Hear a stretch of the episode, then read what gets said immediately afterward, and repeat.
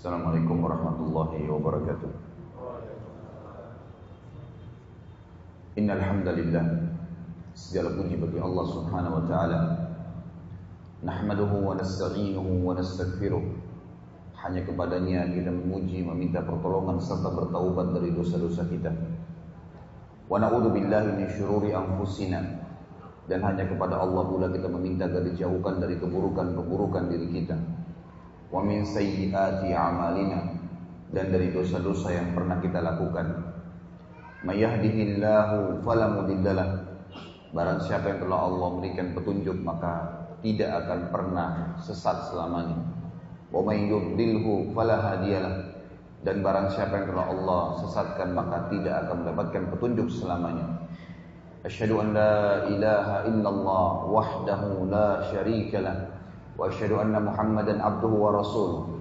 Saya bersaksi tiada Tuhan yang berhak disembah kecuali Allah dan Muhammad benar-benar hamba juga utusannya. Qala Allah Ta'ala, Allah mengingatkan kita dalam kitabnya, Ya ayyuhalladzina amanu taqullaha haqqa tuqatih wa la tamutunna illa wa antum muslimun. Hai sekalian manusia, hai orang-orang yang beriman, hai orang-orang yang beriman, bertakwalah kepada Allah patuh dan tunduklah kepada satu-satunya pencipta segala sesuatunya yaitu Allah. Dan janganlah kalian meninggal dunia kecuali dalam keadaan Islam. Di ayat yang kedua qala Allah taala ya ayuhan nasu taqu rabbakum alladhi khalaqakum min nafsin wahidah wa khalaqa minha zawjaha wa batha minhuma rijalan katsiran wa nisaa wattaqullaha alladhi tasaaluna bihi wal arham. Innallaha kana 'alaikum raqiba Hai sekalian manusia, sekali lagi bertakwalah, hanya patuh dan tunduklah kepada satu-satunya Tuhan pencipta segala sesuatunya yaitu Allah yang telah menciptakan kalian dari jiwa yang satu yaitu Adam alaihissalam dan menciptakan dari jiwa yang satu istrinya Hawa alaihissalam dan telah banyak memberikan keturunan laki-laki juga perempuan dari keduanya. Sekali lagi bertakwalah, hanya patuh dan tunduklah kepadanya dan jagalah hubungan silaturahim Sungguhnya Allah senantiasa mengawasi kalian. Di ayat yang ketiga, qala Allah Ta'ala, Ya ayyuhalladzina amanu taqullaha wa qulu qawlan sadida yuslih lakum a'malakum wa yaghfir lakum dhunubakum wa may yuti'illaha wa rasulahu faqad faza fawzan 'azima. Hai sekalian orang-orang yang beriman, sekali lagi bertakwalah, hanya patuh dan tunduklah kepada satu-satunya pencipta segala sesuatunya dan senantiasa ucapkan kalimat-kalimat yang benar. Niscaya ia akan mengampuni dosa-dosa kalian.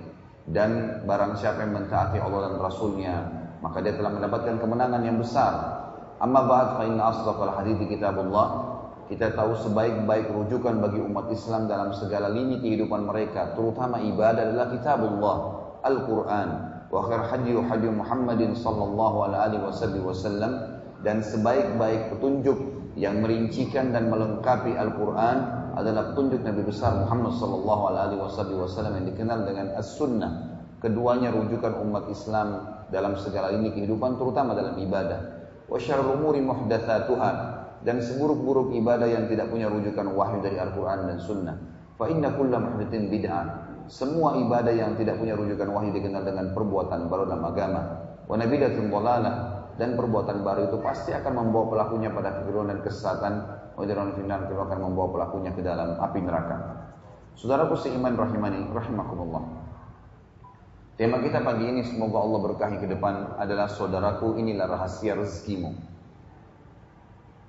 Saya tentunya di awal pembukaan ini memohon kepada Allah Azza wa Jalla agar mengikhlaskan niat kita dan juga saya berharap jemaah membantu saya mendoakan mudah-mudahan apa yang akan saya paparkan ini bisa bermanfaat bagi diri saya sendiri dan juga kepada hadirin serta mudah-mudahan bisa dirilis dalam bentuk buku.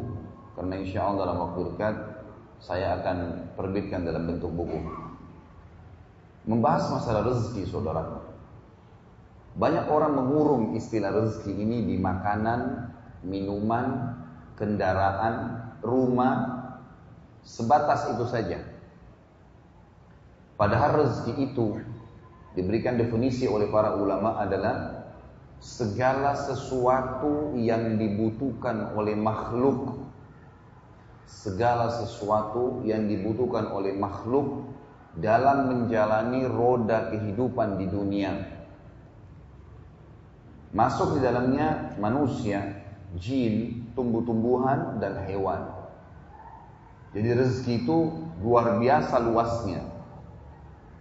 Bukan hanya sekedar berputar di kebutuhan yang selama ini banyak orang kita atau banyak orang di antara kita memahaminya. Dia hanya menganggap rezeki dan bahkan mengucapkan Alhamdulillah kalau kenyang dari makanan, kalau punya baju, kalau punya rumah, kalau punya materi, jabatan. Dia tidak faham bahwasanya rezeki itu masuk dalam segala sesuatunya. Pohon-pohon di sekitar kita yang terus saja gugur daunnya yang satu keluar daunnya yang lain. Buahnya selesai musim buah yang satu keluar buah yang lain. Udara oksigen yang tidak terhingga jumlahnya dihirup gratis oleh seluruh makhluk. Adalah rezeki yang tidak terhingga.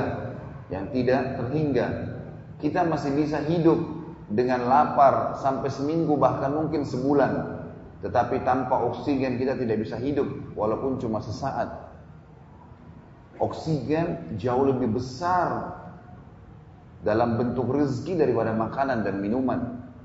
Tapi apakah pernah kita mensyukuri oksigen itu? Bukankah seseorang di antara kita melihat ada beberapa kaum muslimin yang sakit pada saat mereka sesak nafas dan butuh oksigen karena tidak bisa dihirup secara langsung, ada permasalahan di jaringan pernapasannya, dia harus membayar tabung oksigen. Apakah Anda sudah pernah berpikir berapa harga tabung oksigen itu? Sekarang dalam kondisi kita sehat, tanpa butuh energi khusus, tanpa butuh meluangkan waktu khusus, hidung kita terus saja menangkap oksigen tersebut dan tidak ada batasnya, tidak ada hisapnya, tidak ada nilai, tidak ada bayaran. Mata kita menangkap cahaya yang tidak terhingga. Karena kalau tanpa cahaya tidak akan pernah kita bisa melihat. Berapa banyak cahaya yang ada di alam semesta ini. Sehingga seluruh makhluk ini bisa menjalankan roda kehidupannya. Suara. Tanpa suara, kuping kita tidak akan berfungsi. Begitu pula dengan energi, rasa dan perasaan di dalam tubuh kita semuanya rezeki. Bayangkan kalau kita tidak punya rasa, ikhwani. Kita tidak tahu kapan kita lapar, kita nggak tahu kapan kita kenyang, kita nggak tahu kapan kita haus, kita nggak tahu kapan kita sudah hilang dahaganya, kita nggak tahu kapan kita capek, dan kita tidak tahu kapan capek itu sudah hilang. Kita nggak pernah tahu Kapan kita butuh buang air besar dan buang air kecil? Azzakumullah. Semoga Allah muliakan anda semua. Dan ini dianjurkan diucapkan doa ini kalau menyebutkan sesuatu tempat yang kurang baik. Seperti tempat buang hajat tadi. Bayangkan kalau kita tidak punya rasa itu. Dan juga selesai menyelesaikan hajat ini tidak ada rasa. Kita mungkin bisa meninggal di tempat saudara. Kita tidak tahu kapan kita lapar sehingga mengisi nutrisi tubuh yang dibutuhkan. Kita nggak tahu kapan kita haus, kita nggak tahu kapan harus kita keluarkan kotoran dari tubuh kita karena tidak punya rasa. Kata ulama, ini semua adalah rezeki-rezeki dasar. Sebelum makanan, sebelum minuman, sebelum kendaraan, sebelum pakaian, sebelum kebutuhan-kebutuhan dasar itu. Karena ini perangkat-perangkat dasarnya yang memang harus ya, ada sehingga rezeki-rezeki yang lainnya akan bisa berfungsi tidak akan berfungsi makanan kalau kita nggak punya rasa lapar. Tidak akan berfungsi minuman kalau kita nggak punya rasa haus. Tidak akan berfungsi ya, nikmatnya kita menghilangkan letih pada saat sudah kerja seharian penuh kalau tanpa capek dan seterusnya. Maka rezeki itu definisinya jauh lebih luas dari apa yang selama ini difahami oleh kaum muslimin. Jadi sekali lagi rezeki adalah segala sesuatu yang dibutuhkan oleh makhluk dalam menjalani roda kehidupan dunia. Dan memang di sini ulama hanya membatasi dengan dunia karena memang di dunia ini rezeki itu punya batas, punya ajal.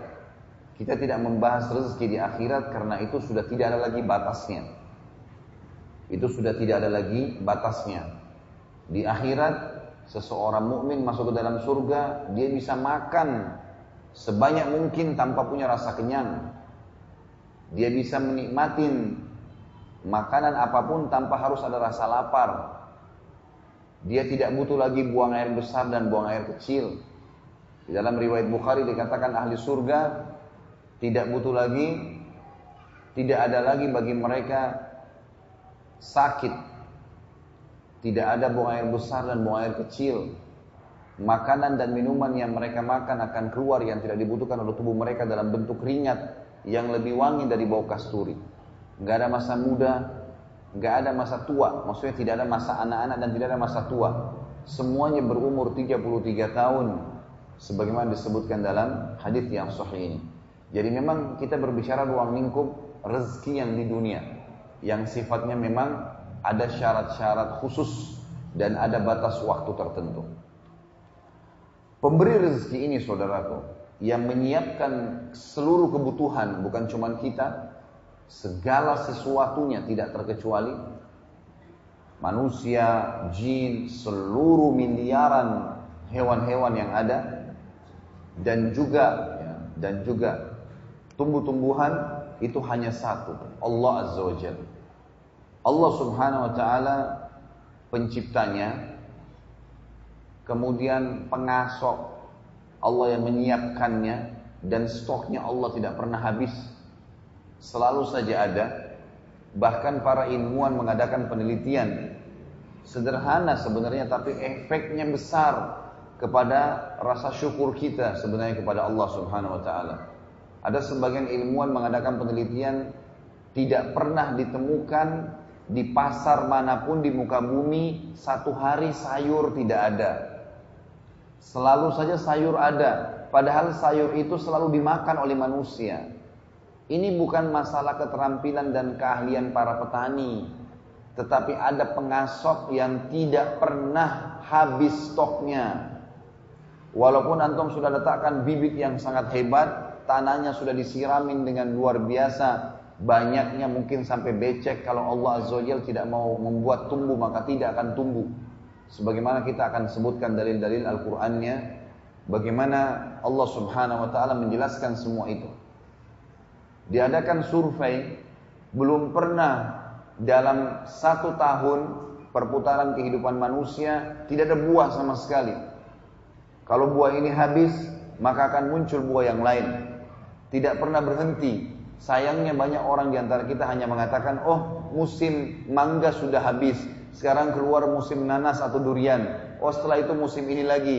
Kita tidak coba mengambil pelajaran. Siapa yang mengatur musim itu?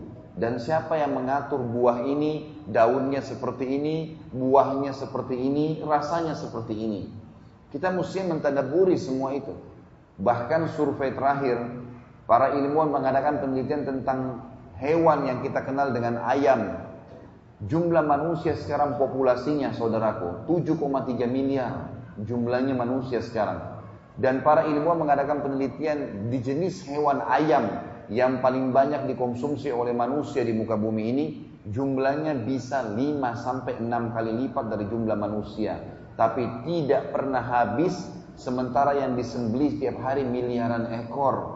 Apakah ini keberhasilan yang kita bahasakan secara manusiawi dari para peternak demi Allah bukan saudaraku. Tapi ada pemasoknya, ada penciptanya yang membuat ayam-ayam itu bisa berkembang biak dan akhirnya memenuhi seluruh kebutuhan. Bukankah banyak manusia yang mengeluh dengan air hujan? Mereka menganggap kalau hujan mungkin sekarang kemarau, tapi pada saat musim hujan dua tiga hari aja hujan non-stop turun mereka sudah mengeluh. Mereka lupa saudaraku bahwasanya air-air hujan itu sebenarnya secara ilmiah seperti sekarang musim kemarau, panas terik matahari ini akan menarik semua air umumnya yang ada di muka bumi ini dengan kadar tertentu, kemudian dia menguap ke atas dan tertampung di awan-awan. Dan nanti dengan izin penciptanya Allah Azza wa setelah ya, awan itu penuh, maka Allah Azza wa turunkan kembali air hujan itu. Apa fungsinya awan? Memfilter kembali air-air yang sudah dipakai oleh makhluk, air yang sudah berubah warna, berubah rasa, ditarik semua oleh Allah Azza wa dengan hikmah ilahiyah. Tentu di sini yang tertarik baik itu yang kotor ataupun yang bersih, tapi dengan hikmah Allah Subhanahu wa taala tertampung di awan kemudian diturunkan oleh Allah Subhanahu wa taala dalam kondisi steril lagi. Ikhwat dan akhwat sini yang punya bisnis air isi ulang, pasti lihat bagaimana ada tabung-tabung filter. Awan fungsinya seperti itu saudaraku, tapi ini secara ilahiyah. Maka setelah bersih di filter dalam hitungan beberapa saat saja diturunkan oleh Allah Azza wa dan tanpa hisab, tidak ada batasnya. Turun hujan tersebut non-stop dengan waktu-waktu tertentu untuk memenuhi kebutuhan makhluk. Karena kalau tidak ada air maka tidak akan pernah bisa hidup. Kata Allah Azza wa dalam Al-Quran, A'udhu billahi minasyaitan wa ja'alna minal ma'i kulli. Kami jadikan dari air itu segala sesuatunya hidup. Yang membuat banjir bukan karena hujan turun saudaraku. Tapi tangan-tangan tanda kutip nakalnya manusia yang menutup saluran-saluran air yang mestinya bisa tertampung yang Allah sudah buat bak-bak alami ya di laut dan sungai yang menampung air yang berlebihan yang tidak dibutuhkan oleh makhluk kemudian digunakan oleh makhluk-makhluk sebagai stok yang akhirnya pada saat mereka kehabisan air di rumah mereka, mereka bisa ke sungai, mereka bisa hewan-hewan yang di air lautan bisa hidup dan seterusnya. Ini luar biasa bagaimana penyiap dan pencipta segala kebutuhan ini adalah Allah Azza wa Jalla. Allah sebutkan hal tersebut di dalam surah Az-Zariyat. Ini dalil yang pertama. Surah Az-Zariyat surah nomor 51 ayatnya 56 sampai 58. A'udzu billahi minasyaitonir rajim. Bismillahirrahmanirrahim. Wa ma khalaqtul jinna wal insa illa liya'budun. Ma uridu minhum min rizqin wa ma uridu minhum ay yut'imun. Innallaha huwar razzaqu dzul quwwatil matin. Kata Allah Azza wa Jalla, aku tidak menciptakan jin dan manusia kecuali untuk mengabdi kepadaku. Kata para ulama tafsir, selain jin dan manusia itu sudah bertugas, sudah patuh kepada Allah Azza wa Jin dan manusia Allah berikan cobaan. Mereka masih bisa tergoda dengan hal-hal yang buruk dan bisa mengerjakan hal-hal yang baik. Kata Allah liyabluwahum ayyuhum liyabluwakum ayyukum ahsanu amala agar menguji kalian siapa yang mau mengerjakan sesuatu yang baik Lalu kata Allah SWT, saya tidak pernah meminta balasan rezeki. Saya berikan udara, saya nggak butuh udara itu. Saya berikan air, saya nggak butuh air itu. Saya berikan kalian makan, saya tidak butuh makanan itu. Allah Azza tidak butuh itu. Kita lihat raja-raja dunia yang sifatnya manusia, kalau dia memberikan sesuatu kepada masyarakatnya, dia membutuhkan hal yang sama. Dia memberikan makanan misalnya, dia juga butuh makan. Dia memberikan minum, fasilitas air, dia juga memakai fasilitas air itu. Dia memberikan pakaian, dia juga membutuhkan pakaian itu. Semua kata Allah, Allah nggak butuh. Allah mengatakan, ma uridu minum rizq. Saya tidak butuh rezeki dari mereka. Wa ma uridu minhu ayyut'imun. Saya tidak butuh diberikan makan oleh mereka. Lalu Allah menjelaskan kalimat rahasianya, Innallaha huwar quwwatil matin. Ini rahasianya.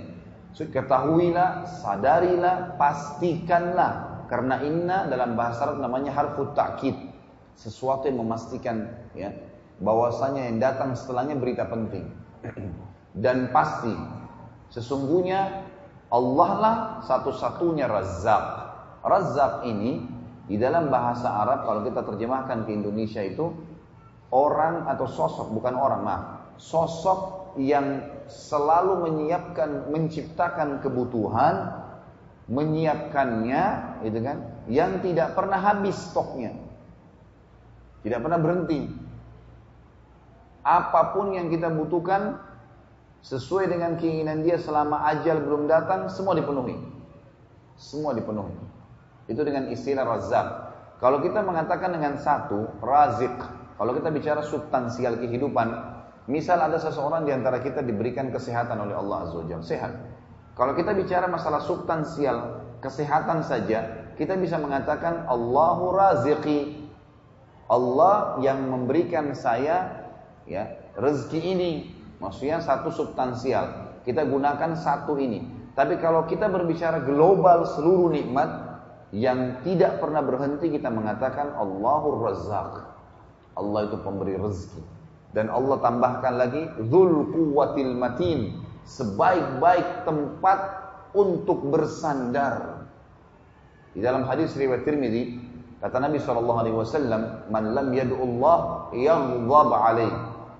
Siapa yang tidak memohon kepada Allah, malah Allah murka padanya. Dalam pepatah bahasa Arab pada saat menjamalkan hadis ini, para pujangga syair muslim mengatakan, mintalah, janganlah kau minta kepada manusia, yang kalau kau minta padanya, dia akan marah. Sekali kita minta bantuan dikasih, dua kali, tiga kali, sepuluh kali, dia akan marah nanti. Ini orang ngapain bolak-balik, bolak-balik. Tapi kata pepatah bahasa Arab ini, mintalah kepada zat Allah Azza wa yang justru kalau kau tidak minta dia akan marah padamu. Justru harus kita tamak terhadap rahmat Allah. Sudah sehat, minta kesehatan. Sampai ulama membahas dalam bab khusus doa. Dan ini teman-teman bisa nonton ada ceramah saya di web di www.khalidbasama.com atau juga bisa di YouTube. Judulnya dahsyatnya doa. Panjang lebar saya jelaskan masalah itu. Ulama mengatakan lebih tepat dan lebih besar pahalanya bila seseorang memohon kepada Allah Azza wa dipertahankan sebuah nikmat dan ditambah daripada pada saat nikmat itu sudah diangkat baru dia mohon dikembalikan. Jadi misal pada saat kita lagi sehat lebih besar pahalanya antum mengatakan ya Allah pertahankanlah kesehatanku ini. Itu lebih tepat, lebih besar pahalanya dibandingkan kalau sudah sakit baru bilang ya Allah sembuhin saya. Artinya Allah Azza wa Jal memang mau supaya kita ngerengek dan manja. Dan memang Allah Azza wa Jal sangat memanjakan kita. Sangat memanjakan. Manusia ini luar biasa dimanjakan. Apa pun disediakan. Apa kebutuhan antum yang belum disiapkan oleh Allah Subhanahu wa taala? Sampai pernah ada yang mengatakan kepada saya, Ustaz, saya miskin sekali. Gak punya pekerjaan, gak punya simpanan uang. Gitu. Banyak kekurangan-kekurangan. Saya bilang, antum kaya kok. Kok bisa Ustaz bilang kaya? Saya bilang di diri antum ini, karena saya tangkap dia menilai rezeki itu dari duit saja. Saya tangkapnya orang ini menilai dari uang saja. Maka saya masuk ke alam pikiran dia. Saya mengatakan, kamu ini sangat kaya sebenarnya. Anda ini sangat kaya. Mau bukti? Dia bilang, iya Ustaz. Kalau seandainya saya bilang, ada seseorang yang mau membeli, Alhamdulillah jari-jarinya semua utuh. Matanya utuh, telinganya utuh, semua masya Allah kulitnya bagus, rambutnya bagus, nggak ada masalah di tubuhnya. Saya bilang, kalau ada satu orang datang mau beli jempol antum ini dengan 5 miliar, mau jual nggak? Potong, diambil sama dia, dibayar 5 miliar, mau nggak? Nggak mau, Ustaz. Loh kenapa nggak mau? 5 miliar. Dia bilang saya nggak mau, berarti jempol saya nggak ada kesakitan. Saya bilang kalau begitu, antum punya satu jempol ini 5 miliar jumlahnya. Coba kali 5, kali 10 jari. Kuping. Mau nggak dipotong satu kupingnya dikasih 10 miliar? Nggak mau. Orang nggak mau. Kalau dia sehat ya. Kalau nggak sehat mungkin dia mau. Allah alam. Tapi kalau orang masih normal dia nggak mau. Untuk apa? Tidak ada kuping saya satu. Matanya dicungkil dua-duanya. Kasih uang 5 miliar. Nggak mau. Ternyata nikmatnya Allah Azza wa besar. Makanya saya bilang ikhwani, dari awal tadi definisi penting. Jangan kurung rezeki itu hanya di makanan, minuman, pakaian dan kendaraan. Ini keliru ini. Terlalu besar nikmatnya Allah pada diri kita, terlalu besar. Kalau kita peka mau melihat itu luar biasa. Di dalam riwayat Bukhari dikatakan ada seseorang dari Bani Israel menyembah Allah selama 500 tahun. 500 tahun menyembah Allah Azza wa Ini nggak main-main. Di sebuah pulau nggak ada kemaksiatannya 500 tahun. Pada saat dia meninggal, pada saat dia meninggal dunia, maka kata Nabi SAW orang ini bertemu dengan Allah Azza wa lalu Allah taala mengatakan kepada para malaikat, "Masukkan orang ini ke dalam surga dengan rahmatku." Orang ini bilang, "Amalku ya Allah, 500 tahun sholat, puasa, ibadah, tidak pernah ada maksiat di pulau sendirian. 500 tahun Allah kasih umur. Kata Allah SWT dengan rahmatku Dia bilang, amalku ya Allah. Tiga kali Allah ulangi. Dengan rahmatku. Dia mengatakan, amalku ya Allah. Tetap ngotot. Maka kata Allah Azza wa Jal, ambil seluruh amalnya hambaku ini timbang dengan nikmat mata yang aku kasih. Waktu ditaruh di timbangan ikhwani, tiba-tiba nikmat mata saja itu sudah jauh lebih berat daripada seluruh amal yang dia kerjakan. Nikmat mata, belum nikmat yang lain nih. Belum nikmat terlalu banyak nikmatnya Allah Azza Wajalla yang tidak terhitung, gitu kan?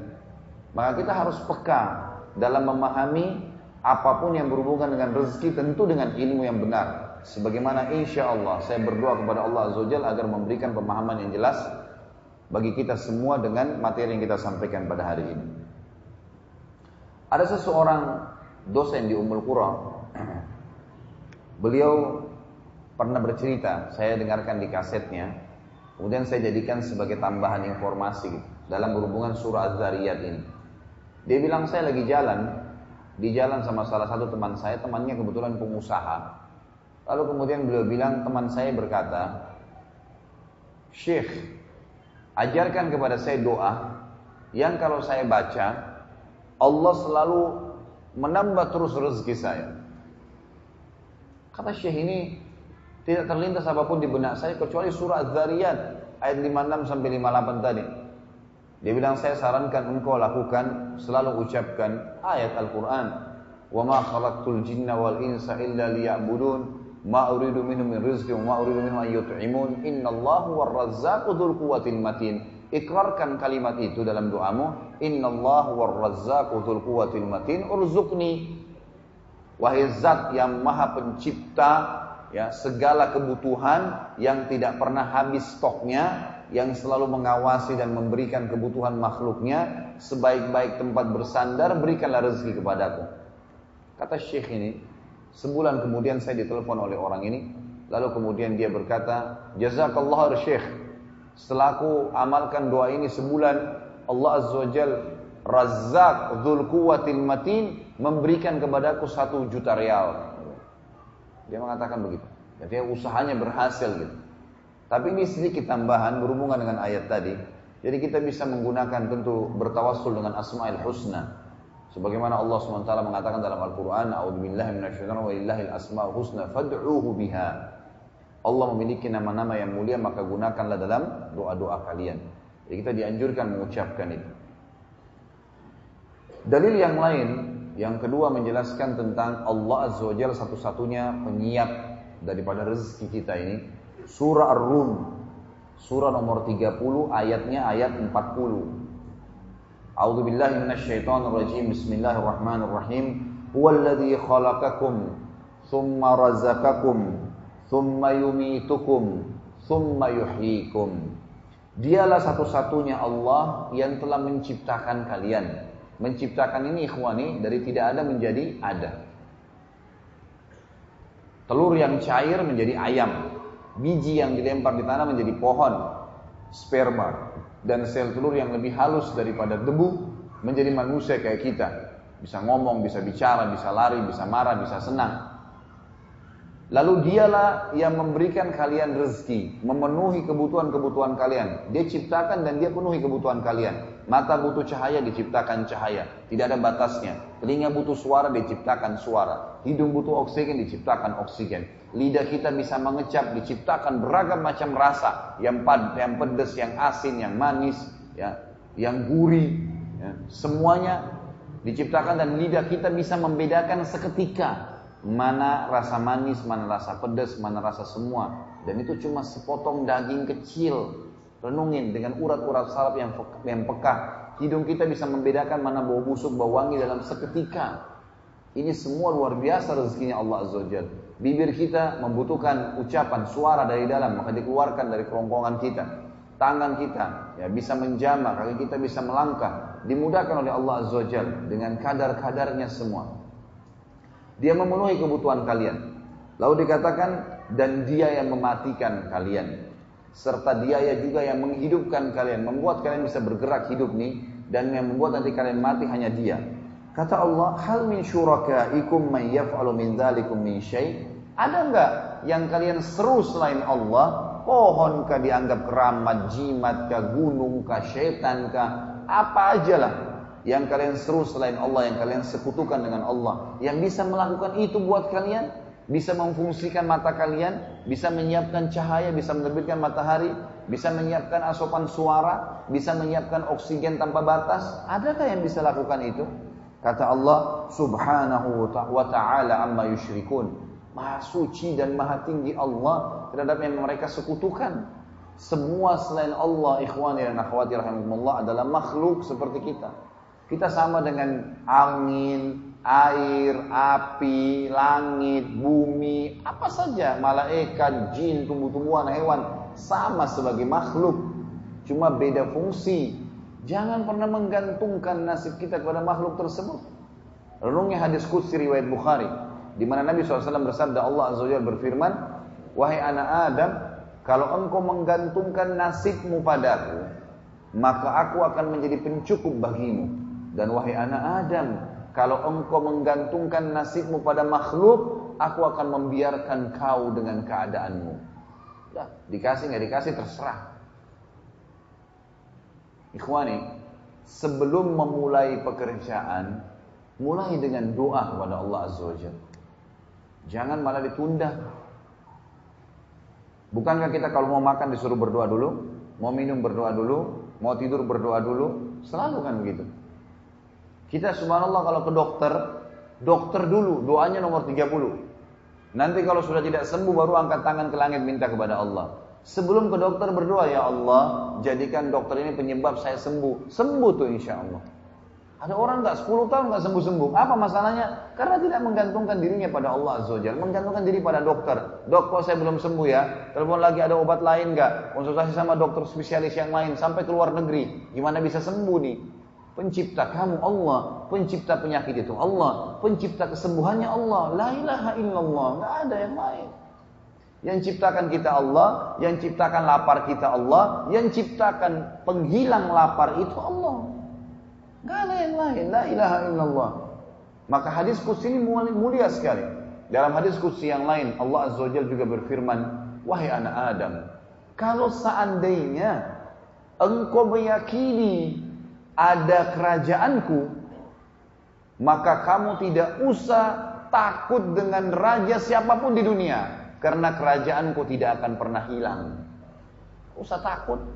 Raja siapa pun, Ibrahim alaihissalam berhadapan dengan Namrud yang bisa menebas lehernya setiap saat, tidak takut. Tidak ditakut.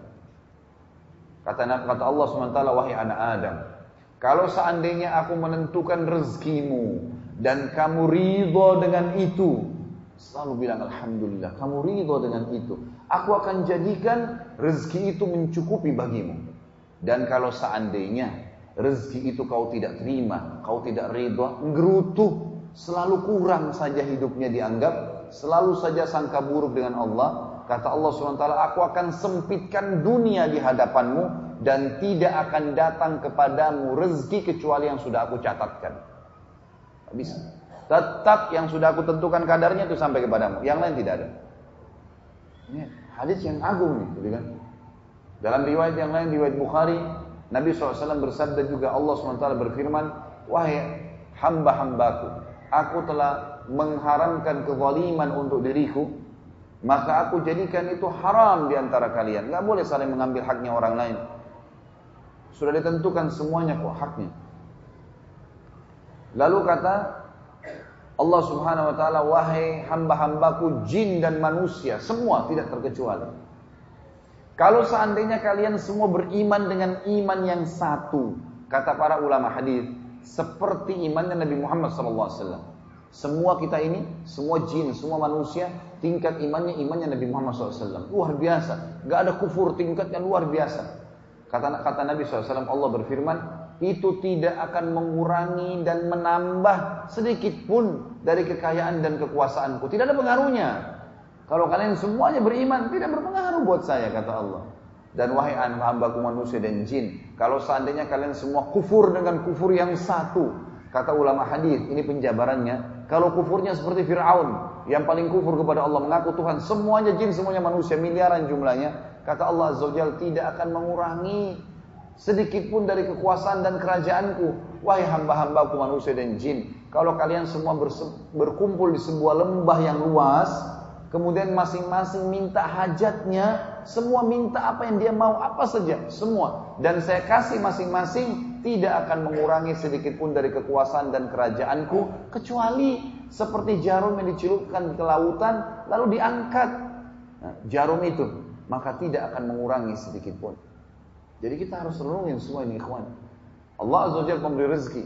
Jangan pernah menggantungkan nasib pada makhluk. Gantungkan nasib kepada Allah Azza wa. Kalau ada sesuatu yang belum kita dapatkan, maka yakinlah. Kalau bukan dosa penghambatnya, berarti Allah Azza wa belum tentukan sebagai bagian dari kita. Saya ingin berikan gambaran dulu. Rezeki itu ibaratnya, ini kalau contoh saya pribadi, supaya mudah difahamin. Rezeki itu di dalam buku yang saya tulis insya Allah ini, saya membagi rezeki yang saya namakan rezeki yang mutlak dan rezeki yang ikhtiar. Agar mudah dipahami saja. Ini metode penulisan. Rezeki itu saya berikan contoh seperti sebuah pohon. Pohon ini ada buah yang berjatuhan, ada buah yang bergelantungan. Buah yang berjatuhan ini dan bergelantungan siapa saja beriman atau tidak beriman beriman atau kafir sama saja. Akan mendapatkan bisa mendapatkan. Allah Azza wa tidak membeda-bedakan. Yang kafir bisa dapat mobil bisa makan bisa bernafas. Karena memang ini dunia dan orang-orang kafir adalah ajang dakwanya orang yang beriman untuk diperbaikin. Begitulah Allah buat permainan kehidupan ini gitu ya maka kita harus tahu di sini semua bisa mendapatkan. Yang berjatuhan itu itu bahasa saya rezeki yang mutlak Artinya akan sampai ke antum, antum berusaha atau tidak. Di sini rezeki yang berjatuhan ini seperti misal oksigen yang kita hirup selama kita hidup, cahaya yang kita tangkap oleh mata, suara ditangkap oleh kuping, fungsi-fungsi anggota tubuh kita, rasa tadi dan perasaan. Kemudian kadang-kadang seperti gelas minuman ini, saya tidak pernah pesan dengan panitia, tapi disiapkan oleh teman-teman jazakumullah khair, disiapkan maka ini adalah rezeki mutlak saya. Artinya akan sampai kepada saya nih. Gitu kan. Sama halnya ada juga orang tidak bekerja tidak apa. Orang tuanya yang setengah mati banting tulang, begitu meninggal dapat warisan. Itu mutlak semua. Sifatnya mutlak itu, gitu kan? Artinya akan sampai. Dan ini masuk dalam hadis Nabi SAW yang berbunyi riwayat Imam Ahmad. Kalau seseorang itu lari dari rezekinya, lari dari rezekinya. Sebagaimana dia lari dari kematian, rezekinya akan datang mengejarnya seperti mati mengejarnya. Ini hadis agung ini, luar biasa. Antum ke mana pun akan datang tuh rezeki. Duduk di rumah tetangga antarin makanan. Sampai ke kita itu. Bayi janin di dalam perut gak pernah bekerja.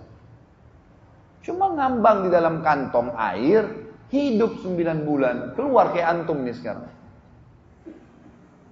Dari mana asopannya? Ibunya setengah mati, Allah buat sedemikian rupa sistem sehingga dokter ada belajar kalau bayi itu butuh nutrisi, butuh butuh asam folat dalam susu, butuh vitamin-vitamin, ibunya dianjurkan yang hamil, makan ini Bu, makan ini Bu, ibunya setengah mati ngunyah, dia saripatinya melalui plasenta masuk ke bayi. Selesai nggak bekerja nggak apa. Datang. Mutlak datang kepada dia. Dalam riwayat yang lain kata Nabi Shallallahu alaihi wasallam, kalau tidak salah hadis ini riwayat Imam Bukhari. Kata Nabi Shallallahu Alaihi Wasallam tidak ada jiwa di sini yang bernyawa ya, meninggal dunia illa yustawfa rizku kecuali akan dilengkapkan semua rezekinya yang telah Allah catatkan. Apa kata Ibnu Qayyim rahimahullah? Saya selalu bahagia dan senang. Selalu bahagia dan senang, tidak pernah ada kesedihan saya rasakan kata Ibnu Qayyim. Karena saya tahu kalau ajal saya sudah ditentukan waktunya oleh Tuhan saya, tidak akan lebih sehari, tidak akan kurang sehari.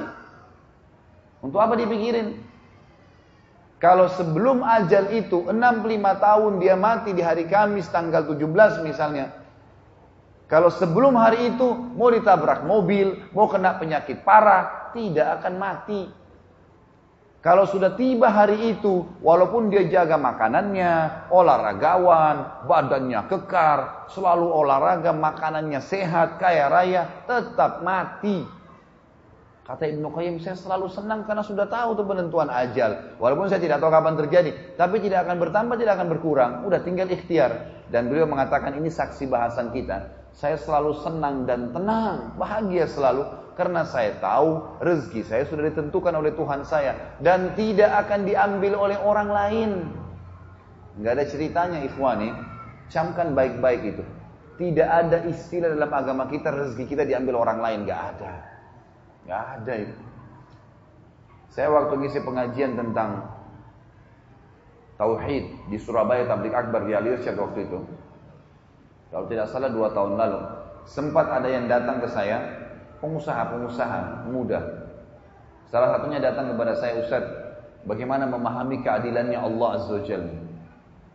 Ana dia bilang sama beberapa teman Ana ini masuk ke satu proyek ada empat orang teman, jadi lima dengan saya. Dia bilang lima dengan anak ini, lima orang ini pada saat goal proyek itu empat sohib anak ini teman anak dapat semua, anak sendiri enggak. Padahal kalau dilihat dari sisi ketakwaan, kekuatan ibadah, anak bisa mengatakan anak lebih baik daripada mereka berempat. Tapi mereka yang dapat, bagaimana memahaminya Ustaz? Saya cuma jawab dengan satu belum rezeki antum. Selesai. Udah. Biar antum mau nangis darah, tidak bakal sampai ke antum tuh. Dan biar kita duduk tenang sampai ke kita kalau mutlak. Nggak bisa enggak. Subhanallah, saya punya pengalaman pribadi. Di Surabaya ada yang saya mar sekali. Madu mungso, sering saya suka beli.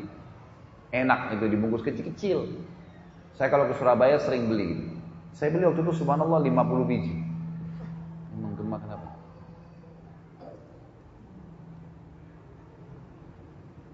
Jadi saya beli sampai 50 biji ikhwani, taruh di kresek kecil. Lagi nunggu pesawat satu jam lagi take off di Jakarta, saya tunggu di lounge di bandara sambil buka komputer, laptop saya sambil ngetik-ngetik misi waktu. Subhanallah saking asyiknya saya ngetik-ngetik nyusun-nyusun tulisan, nggak lama kemudian dipanggil maka saya tutup laptop saya, masukkan di tasnya, lalu saya keluar. Saya lupa tuh kresek tadi di sebelah saya. Nanti tiba di Jakarta, udah turun, kayaknya ada yang kurang nih. Kok cuma tas laptop sama koper saya nih? Oh, madu mungso saya ketinggalan di lounge. Tapi saya sudah tahu ilmunya. Oh, belum rezeki saya. Udahlah, ikhlaskan. Enggak bakal sampai di mulut antum kalau bukan rezeki antum. Kita beli makanan pernah nggak? Kemudian bawa pulang ke rumah. Ini terutama kalau yang sudah punya anak-anak nih. Taruh di kulkas niat mau makan besok. Besok kita buka sudah dimakan sama anak-anak. Rezekinya dia. Kan rezeki kita. Ini yang sifatnya mutlak. Fahamin nih. Gak usah nyesal dengan sesuatu yang kita tidak dapatkan. Ada orang ikhwani, dia kurung dirinya di bingkai kehidupan yang dia buat sendiri. Ini harus antum dobrak nih, seperti gini. Ada orang bilang, saya kalau tidak minum kopi pagi hari, kepala saya pusing. Kalau kira-kira nggak ada kopi pusing nggak? Hah? Ini hidup atau enggak ini? Hah? Kok nggak ada yang nyaut? Kalau ada orang bilang, saya kalau tidak minum kopi pagi hari, kepala saya pusing. Kalau nggak ada kopi pusing nggak? Secara ilmu medis pusing dia. Sugestinya begitu. Kalau saya tidak minum kopi pagi hari, kepala saya pusing. Pusing benar kalau nggak ada kopi tuh. Dia kurung dirinya di bingkai itu sendiri, dia yang buat tuh. Padahal kalau dia tidak bilang itu, ada kopi, ada susu, ada teh, ada apa saja minum bismillah, nggak apa-apa. Teman-teman yang masih merokok, coba tanya, kenapa Anda merokok? Jawabannya umumnya begini, saya kalau tidak merokok, tidak bisa berpikir. Saya kalau tidak merokok, tidak percaya diri. Itu sugesti negatifnya tuh. Jadi sudah tertanam di benak dia, itu kan. Kalau bahasa kita sudah diniatkan begitu. Niat sudah ditekatkan dalam diri dia. Sehingga memang tersaringlah di otak dia, ya, di tubuh dia ini harus merokok. Kalau enggak enggak percaya diri. Kalau enggak maka tidak ada masalah sebenarnya, gitu kan. Sama halnya orang bilang, saya kalau tidak menikah sama orang ini saya bisa gila. Nanti gila benar tuh. Kenapa? Masih banyak manusia seperti dia. Cuma beda paras wajah, beda kulit saja. Cari minta kepada Allah SWT. Allah cuma buat variasi kok ini, gitu kan? Kata Nabi SAW, kalau seseorang di antara kalian melihat lawan jenisnya dan bangkit syahwatnya, dia jadi pengen berbuat yang haram, maka kembalilah kepada pasangannya, karena pasangannya memiliki apa yang dimiliki orang itu, kemaluannya sama saja. Ini kemasannya berbeda, sama saja. Jangan terpengaruh dengan kemasan-kemasan, gitu kan? Kemasan ini boleh kita cari yang terbaik, tapi jangan terpengaruh. Kita makan nih. Ini rendang, ini sayur asem, ini rawon, ini sambal, macam-macam tempe. Waktu antum cuil-cuil dikit, dicampur-campur, kita masih bisa bedain mana nasi, mana tempe, mana sayur asam, mana rawon. Ada tercampur jadi satu. Waktu kita taruh di lidah kita, kita masih bisa bedain tuh. Oh ini rasanya ini, rasanya ini. Tapi kalau sudah lewat sedikit saja, ukuran gini aja di tenggorokan kita, masih bisa bedain mana rawon, mana sayur asam tadi, mana tempe. Udah nggak bisa. Itu tuh kemasan di luar saja. Kemasan di luar. Fahamin.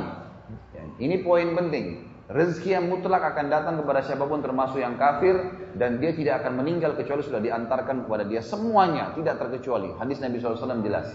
Ada rezeki yang kedua di atas pohon bergelantungan untuk naik semua orang bisa kafir atau mukmin tapi dia butuh tangga Tangga ini ikhwani adalah keterampilan, ilmu.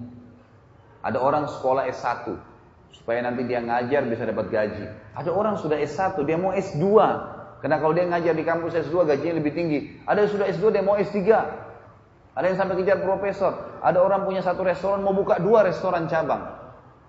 Ini adalah tambahan ekstra. Dia butuh ilmu untuk itu. Ilmu itu tangganya. Nanti kalau dia sudah punya tangga, dia naik ke atas. Dia boleh petik buah yang dia mau. Makanya orang kafir ada yang punya lima, punya sepuluh hotel misalnya. Memang dia ikhtiar. Dia berusaha, dia kuasai ilmunya, dia naik tangga. Dia petik semua tuh yang dia mau. Dan ini tidak ada batasnya nih.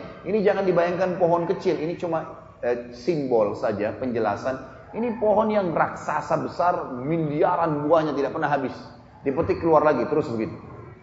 Semua orang bisa pakai. Makanya semua orang, satu orang buka restoran, yang seratus orang juga buka restoran, tidak ada masalah. Tinggal bagaimana dia menguasai bidangnya. Cuma perbedaan antara rezekinya orang beriman dengan orang kafir di masalah keberkahannya. Karena orang-orang beriman dilarang oleh Allah mengambil buah yang busuk dan berulat. Nggak boleh. Ini halal haram nih.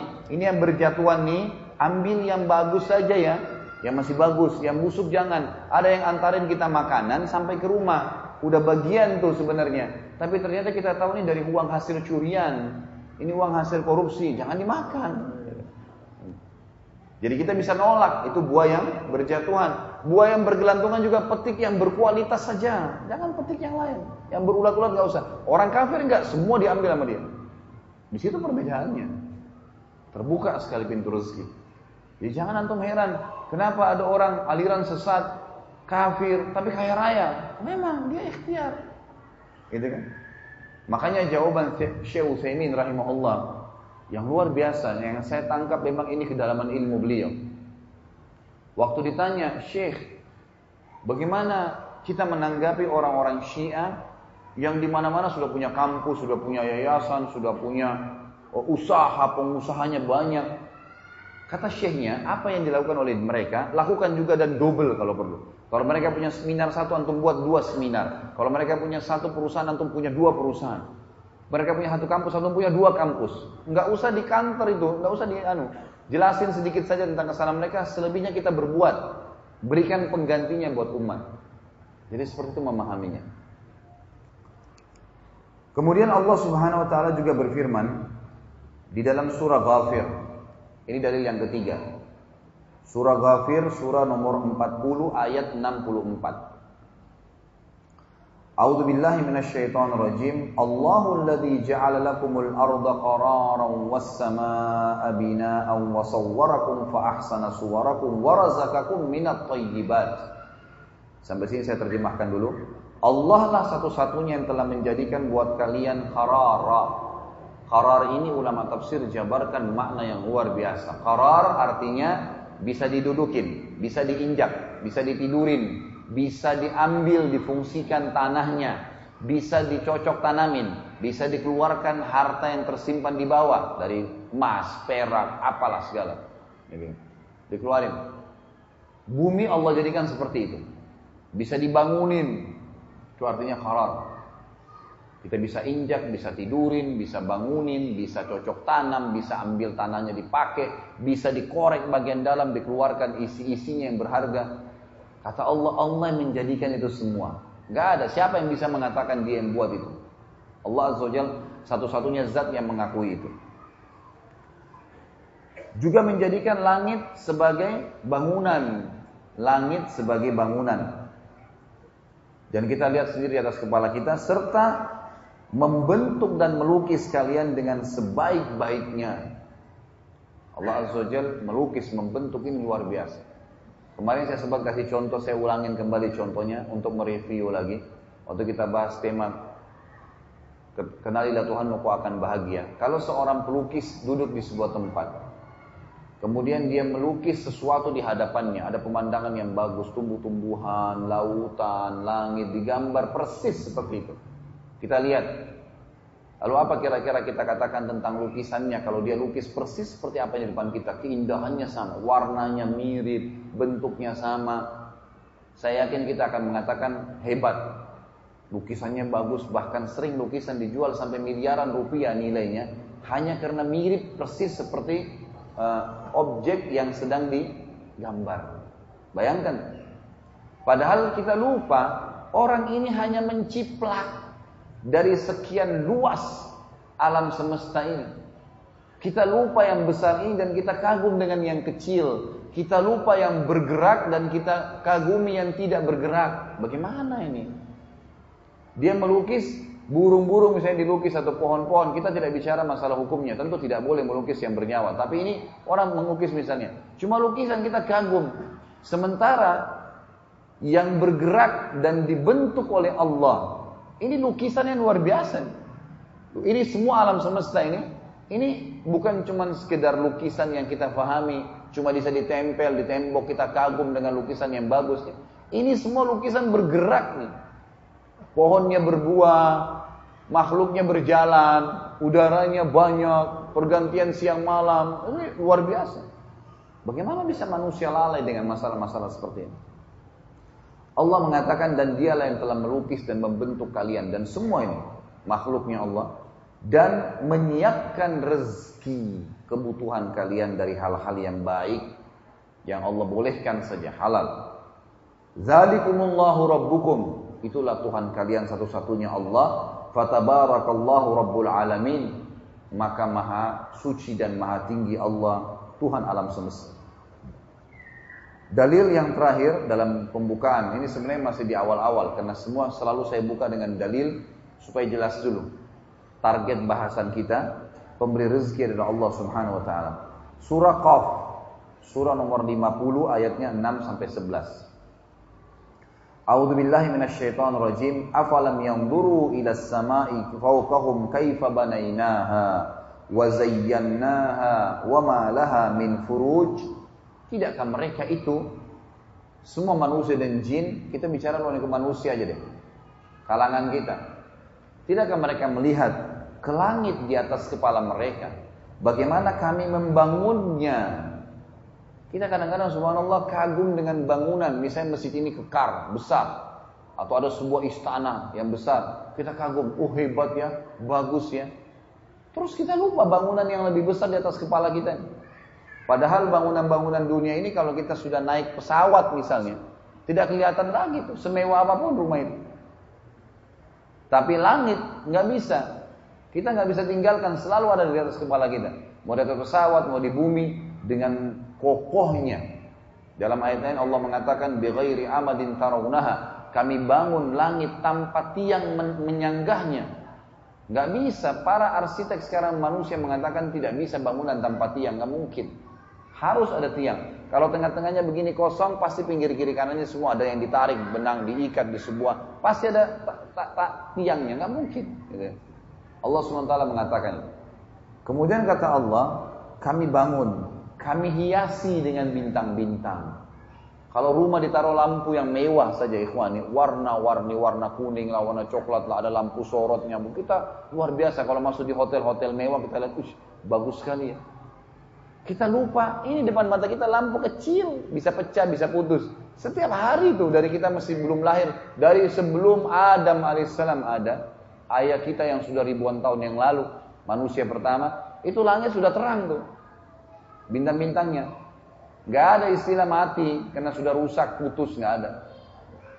Nyala terus, lupa nggak lihat itu bintang-bintang. Kata Allah, lihat bagaimana kami hiasi langit itu. Dan mereka tidak temukan sedikit pun furuj. Furuj itu yang berarti celah kekurangan, retak sedikit pun tidak ada.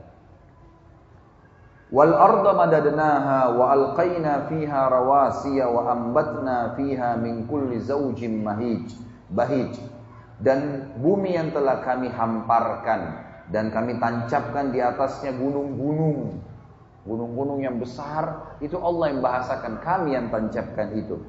Dan kami tumbuhkan di atas bumi itu setiap sesuatu berpasang-pasangan. Tabsiratan wa dzikra likulli abnin munib. Itu sebagai ilmu. Tabsira itu ilmu. Penjelas. Ya, supaya dia tidak bertanya-tanya lagi dan peringatan bagi hamba yang munib. Munib itu cerdas jeli peka. Sensitif dia melihat nikmatnya Allah ini. Wa minas samaa'i ma'an mubarakan fa ambatna bihi jannatin wa habbal dan kami turunkan dari langit air yang penuh dengan berkah air hujan. Yang dengan air hujan itu kami tumbuhkan kebun-kebun yang lebat dan biji-biji yang siap untuk menumbuhkan pohon-pohon. Wan basiqatin laha tal'un nadid dan juga pohon-pohon kurma yang banyak memiliki mayang-mayang, tangkai-tangkai yang nanti dari situ keluar buah-buah kurmanya yang banyak sekali. Dan kurma itu pohon yang luar biasa ya. Dia mirip dengan kelapa, umurnya bisa sampai ratusan tahun. Dan kalau berbuah itu, kalau yang normal, yang bagus, itu bisa banyak, bisa sampai seribu kilo, kadang-kadang turun kurmanya. Gitu kan. Emang ayat-ayat tanda Allah yang luar biasa dan buah kurma ini memiliki sekitar kurang lebih 300 macam kurma. 300 macam kurma. Mayoritasnya 90% kurma kering dan kurma yang kering ini bisa bertahan sampai setahun dua tahun nggak rusak. Nggak ada buah seperti kurma.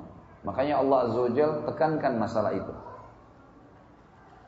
Rizqan bil ibad sebagai rezeki bagi hamba-hamba. Wa ahyayna bihi baldatan maita dan kami hidupkan dengan air hujan juga itu negeri yang sudah mati, kering. Allah turunkan hujan sebentar keluar semua tanaman-tanamannya. Kadzalikal khuruj. Begitulah kalian akan dikeluarkan nanti, dibangkitkan. Di dalam hadis Bukhari, kata Nabi SAW pada saat ditiup sangkakala yang kedua, maka Allah Azza wa menurunkan hujan dari langit yang akan menimpa setiap tulang ekor kalian. Kemudian kalian akan tumbuh seperti tumbuhnya tanaman-tanaman gitu. Jadi memang seperti itu begitu Allah SWT akan menghidupkan kita nantinya. Baik ikhwani, kita masuk ke masalah yang lebih dalam dalam masalah rezeki ini dan ini sebenarnya sudah masuk ke poin-poin inti juga. Ada kiat yang diajarkan oleh Allah Azza wa untuk mempertahankan nikmat ini. Untuk menambahnya. Jadi seperti orang kalau buka usaha, ada kiat-kiat untuk mempertahankan usahanya. Dia menguasai bidangnya, dia menjaga kualitasnya, dia menjaga hubungan dengan pegawainya, ada kiat-kiatnya. Kalau tanpa itu amburadul semua. Kalau dia pecat-pecat pegawainya nggak ada pegawai, siapa yang mau kerja? Dia jaga kualitasnya rusak makanannya, nggak ada yang beli, gitu kan. Ada kiat untuk menjaga. Kalau dia jaga maka akan terjaga itu. Maka di dalam tulisan saya ini ada 10 kiat untuk menambah rezeki itu. Semua rezeki secara global. Apa pun sifatnya. Yang pertama ikhwani adalah syukur. Syukur. Ucapkan Alhamdulillah dengan merenungi, meresapi makna itu. Syukur akan mendatangkan rezeki tersebut, ya, tambahannya terus ekstra. Jadi seperti kalau kita beli buah, beli sekilo, nanti akan bertambah tuh jadi dua kilo dengan harga sekilo saja. Di alam manusia itu susah, nggak ketemu. Tapi di alam yang diajarkan atau maaf, di ilmu yang Allah Azza wa ajarkan kepada kita, itu ada. Ada istilah melakukan satu perbuatan Allah dibalas berlipat. Membeli se sekilo buah, dapatnya harga sekilo, dapatnya 10 kilo. Itu kan dalam Islam kita tahu, dalam Al-Quran, dalam hadis Nabi SAW, setiap amal soleh dilipat gandakan 10 kali lipat, bahkan 700 kali lipat. Jadi balasannya berlipat-lipat. Itu terjadi. Kalau transaksi dengan Allah Azza wa maka seperti itu. Syukur ini harus selalu diucapkan dalam segala keadaan. Alhamdulillah, Alhamdulillah, Alhamdulillah, non-stop. Gak boleh diberhentikan. Bahkan sebagian ulama salaf, mereka setiap kali langkahnya, setiap kali menarik nafasnya, selalu ucapkan Alhamdulillah, Alhamdulillah, Alhamdulillah. Terus, karena mereka tahu ini kata kunci, passwordnya untuk bertambah nikmat. Itu saja. Makanya setiap kali kita lihat, habis makan ada doa Alhamdulillah, habis minum, bangun tidur, balik masuk ke dalam rumah. Setelah aktivitas ada pasti pujian kepada Allah Subhanahu wa taala. Maka pujian ini akan menambah rezeki tersebut. Allah Subhanahu wa taala menyebutkan dalilnya dalam surah Al-Ankabut. Al-Ankabut surah nomor 29 ayat 17. A'udzu billahi minasyaitonir rajim. Innama ta'buduna min dunillahi awthana wa takhluquna ifka. Saya terjemahkan dulu sampai sini. Semua kata Allah yang kalian sembah selain Allah, pohon kah keramat, jimat kah kuburan kah jin malaikat kah apa saja, semua itu awthana, itu berhala-berhala. Berhala ini kalau kita bahasakan tidak bisa berbuat apa-apa. Wa ifka dan kalian buat-buat itu dengan kedustaan. Bohong tuh. Orang-orang yang jimat dijahit-jahit, kemudian dia bilang bisa berikan kekebalan, dia bohongin dirinya, dia tahu tuh kain tidak ada fungsinya. Orang yang minta-minta kepada pohon, dia tahu pohon tidak bisa buat apa-apa. Patung dibuat, dipahat sama dia, dibuatin mata, dibuatin mirip dengan apa gitu. Kemudian diminta-minta sama dia, dia bohong tuh. Dia dusta jadi dia tahu ini nggak bisa buat apa-apa. Watakulukuna ifka kata Allah. Bohong kalian buat itu. Kedustaan ngapain tipu diri sendiri? Lalu kata Allah Azza Jal, Innal ladhina ta'buduna min dunillahi la yamlikuna lakum rizqan fabtagu indallahi rizq.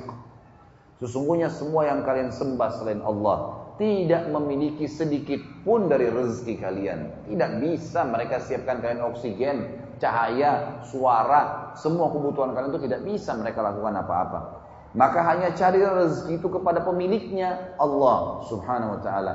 Wa'buduhu dan sembahlah dia, ikuti hukum-hukumnya, apa yang dia turunkan, yang halal nikmatin, yang haram tinggalkan, yang diperintahkan kerjakan, yang dilarang jauhi. Washkuru lahu. Ini saksi bahasan. Dan syukurilah itu. Alhamdulillah. Maka pasti akan bertahan tuh nikmat. Ilaihi turja'un. Kepadanya lah kalian akan dikembalikan. Masih poin pertama masalah syukur ada dalil yang lain. Surah Saba. Surah nomor 34 ayat 15. Saba ini nama lainnya negeri Yaman. Di zaman Nabi Ibrahim alaihissalam masih dinamakan Saba. Tapi di zaman Nabi Muhammad SAW itu sudah dinamakan Yaman, ya, negeri Yaman. Allah ceritakan tentang negeri Saba di zaman Ibrahim alaihissalam. A'udzu billahi minasyaitonir rajim. Laqad kana li sab'in fi maskanihim ayah. Di kehidupan negeri Saba dulu orang Yaman itu ada tanda-tanda kebesaran Allah. Jannatani ayyamini wa shimal. Di negeri Yaman itu di sisi barat dan timurnya penuh dengan kebun-kebun yang lebat. Kata ulama tafsir, di sisi baratnya semuanya tumbuh-tumbuhan sayuran, di sisi timurnya semuanya buah-buahan. Sampai waktu itu Yaman menjadi negeri pemasok di dunia. Semuanya ada. Dan pada saat itu yang menjadi rahasia keberhasilan setelah Allah Azza wa mereka buat bendungan namanya Saddul Ma'rib. Ini kalau teman-teman ikuti di ceramah saya di web atau di YouTube tentang Sirah Nabawiyah, di seri-seri awal atau dua itu saya membahas panjang lebar tentang masalah ini. Bagaimana awal suku yang suku Arab yang keluar dari Yaman namanya Jurhum itu setelah hancurnya Saddal Ma'rib ini. Setelah hancurnya bendungan ini karena mereka tidak bersyukur kepada Allah, Allah datangkan banjir besar hancur, kemudian kebun-kebun ini Allah ganti semua dengan ya, pohon-pohon yang tidak baik, gitu kan. Pohon sidir yang berduri, pohon cemara yang tidak lagi bisa dipakai apa-apanya, cuma sekedar menaung saja dari panas, gitu kan, menyerap air hujan. Jadi tidak lagi yang bisa dikonsumsi oleh manusia itu. Tapi saya tidak bahas masalah itu. Yang jelas Allah SWT mengatakan dulu negeri Sabah itu punya kelebihan makmur. Kulu min rizki rabbikum washkurulah. Ini kata kuncinya kata Allah. Makanlah, nikmatin hasilnya. Gitu kan? Yang telah kami tumbuhkan, kami keluarkan buah-buahan dan sayurnya. Dan syukurilah. Bersyukur. Ternyata penduduk Sabah tidak bersyukur. Maka Allah SWT hancurkan bendungan mereka. Kalau kalian bersyukur sambil menikmati yang halal itu, baldatun thayyibatun wa rabbun ghafur. Negeri kalian akan jadi baik, makmur dan kalian akan temukan Tuhan kalian Maha Pengampun kalau kalian buat salah. Tuh lihat. Bagaimana Allah Azza wa membahasakan dengan sangat jelas. Yang kedua, kiatnya berinfak, bersodakah, Ikhwani dan akhwati rahimahullah. Renungi baik-baik apa yang saya sampaikan. Pangkal kaya dalam Islam menjadi orang yang sangat kaya raya, melimpah apa pun yang dia inginkan adalah bersedekah, bukan menabung. Kita punya prinsip dasar karena kita pakai sistem ekonomi kapitalis lah, sistem ekonomi apalah orang non muslim bukan dari Allah lah sistemnya adalah menabung pangkal kaya. Makin sering nabung maka makin kaya. Ini dalam Islam tertolak. Nggak ada. Pangkal kaya keluarin di jalan Allah. Tuh kaya akan datang. Perhatikan. Gitu kan. beda sekali. Orang yang nabung sibuk dengan tabungan. Bukan tidak boleh ya, boleh. Nabung, tapi bukan seperti umumnya orang kalau dia nabung sudah punya sejuta mau 10 juta, 10 juta mau 100 juta, 1 juta mau 1 miliar. Dan orang kalau targetnya begitu, susah untuk bersedekah itu, susah. Karena dia harus punya target nabung. Sementara bukan nabung yang mendatangkan kekayaan, bukan. Tetapi sedekahnya. Dalil pertama adalah hadis Bukhari hadis qudsi. Kata Allah Azza wa Jalla, Nabi SAW bersabda Allah SWT berfirman, Ya bena Adam, anfik, anfik alaih. Wahai anak Adam, sodakah dulu di jalanku, aku akan bersodakah padamu. Keluarin dulu di jalanku, baru aku kasih. Dan ini fakta lapangan banyak ya. Hadis Bukhari, riwayat yang lain kata Nabi SAW, dulu di kalangan Bani Israel ada dua orang bersahabat. Waktu itu kebetulan keduanya dan masyarakat sekitar wilayah mereka sedang menunggu turunnya hujan dari langit. Peceklik, panas. Si A dari dua orang ini anggaplah si A dan si B. Kita kasih inisial. Karena Nabi SAW mengatakan dua orang saja. Supaya mudah difahamin si A dan si B. Si A ini melihat ada awan, gumpalan awan hitam lewat di atas kebunnya. Lalu dia mendengar suara dari situ kata Nabi SAW yang mengatakan turunkanlah hujan di kebunnya fulan. Namanya temannya dia itu di sebelah si B. Maka dia pun mengikuti awan tersebut ternyata betul melewatin kebun dia di atas kepalanya. Kemudian berhenti di kebun temannya dan turun lebat. Kebun-kebun lain gak ada yang kena air. Cuma dia saja temannya. Penasaran dia tanya, apa yang kamu lakukan dengan kebunmu? Sampai Allah Azza wa memberikan kamu air hujan kami gak dikasih. Apa kata dia? Rahasianya ikhwan saya mengeluarkan dari keuntungan kebun ini langsung. Begitu untung sepertiganya saya keluarkan di jalan Allah. Sepertiga langsung. Sepertiganya saya kembalikan ke modal usaha. Sepertiganya lagi saya pakai untuk kebutuhan keluarga saya. Allah turunkan hujan di saat ya, lagi tidak ada air. Ada ipar saya di Ternate Kakak saya kebetulan perempuan yang nomor dua, semoga Allah menjaga mereka semua. menikah dengan satu dokter THT dari Ternate di kota Makassar. Kakaknya beliau, ya, ini di kota Ternate, saya pernah ceramah sampai ke sana, Alhamdulillah. Kemudian ngobrol-ngobrol, pulang ceramah sekitar jam 11, jam 12 malam. Saya ngobrol-ngobrol sama kakak ipar saya ini. Sementara kami asyik ngobrol, dia lagi tanya beberapa hukum. Tiba-tiba di kebetulan rumah mereka masih menggunakan seng, gitu kan. Jat, ada suara ribut, pang gitu. Saya kaget. Karena memang suaranya kayak batu yang besar dilempar gitu. Saya nggak tahu. Kemudian dia tertawa, dia senyum gitu. Dia bilang itu suara mangga yang jatuh. Oh iya, di belakang rumahnya ada pohon mangga beneran jatuh. Ya, memang suaranya besar sekali kayak suara batu yang besar gitu.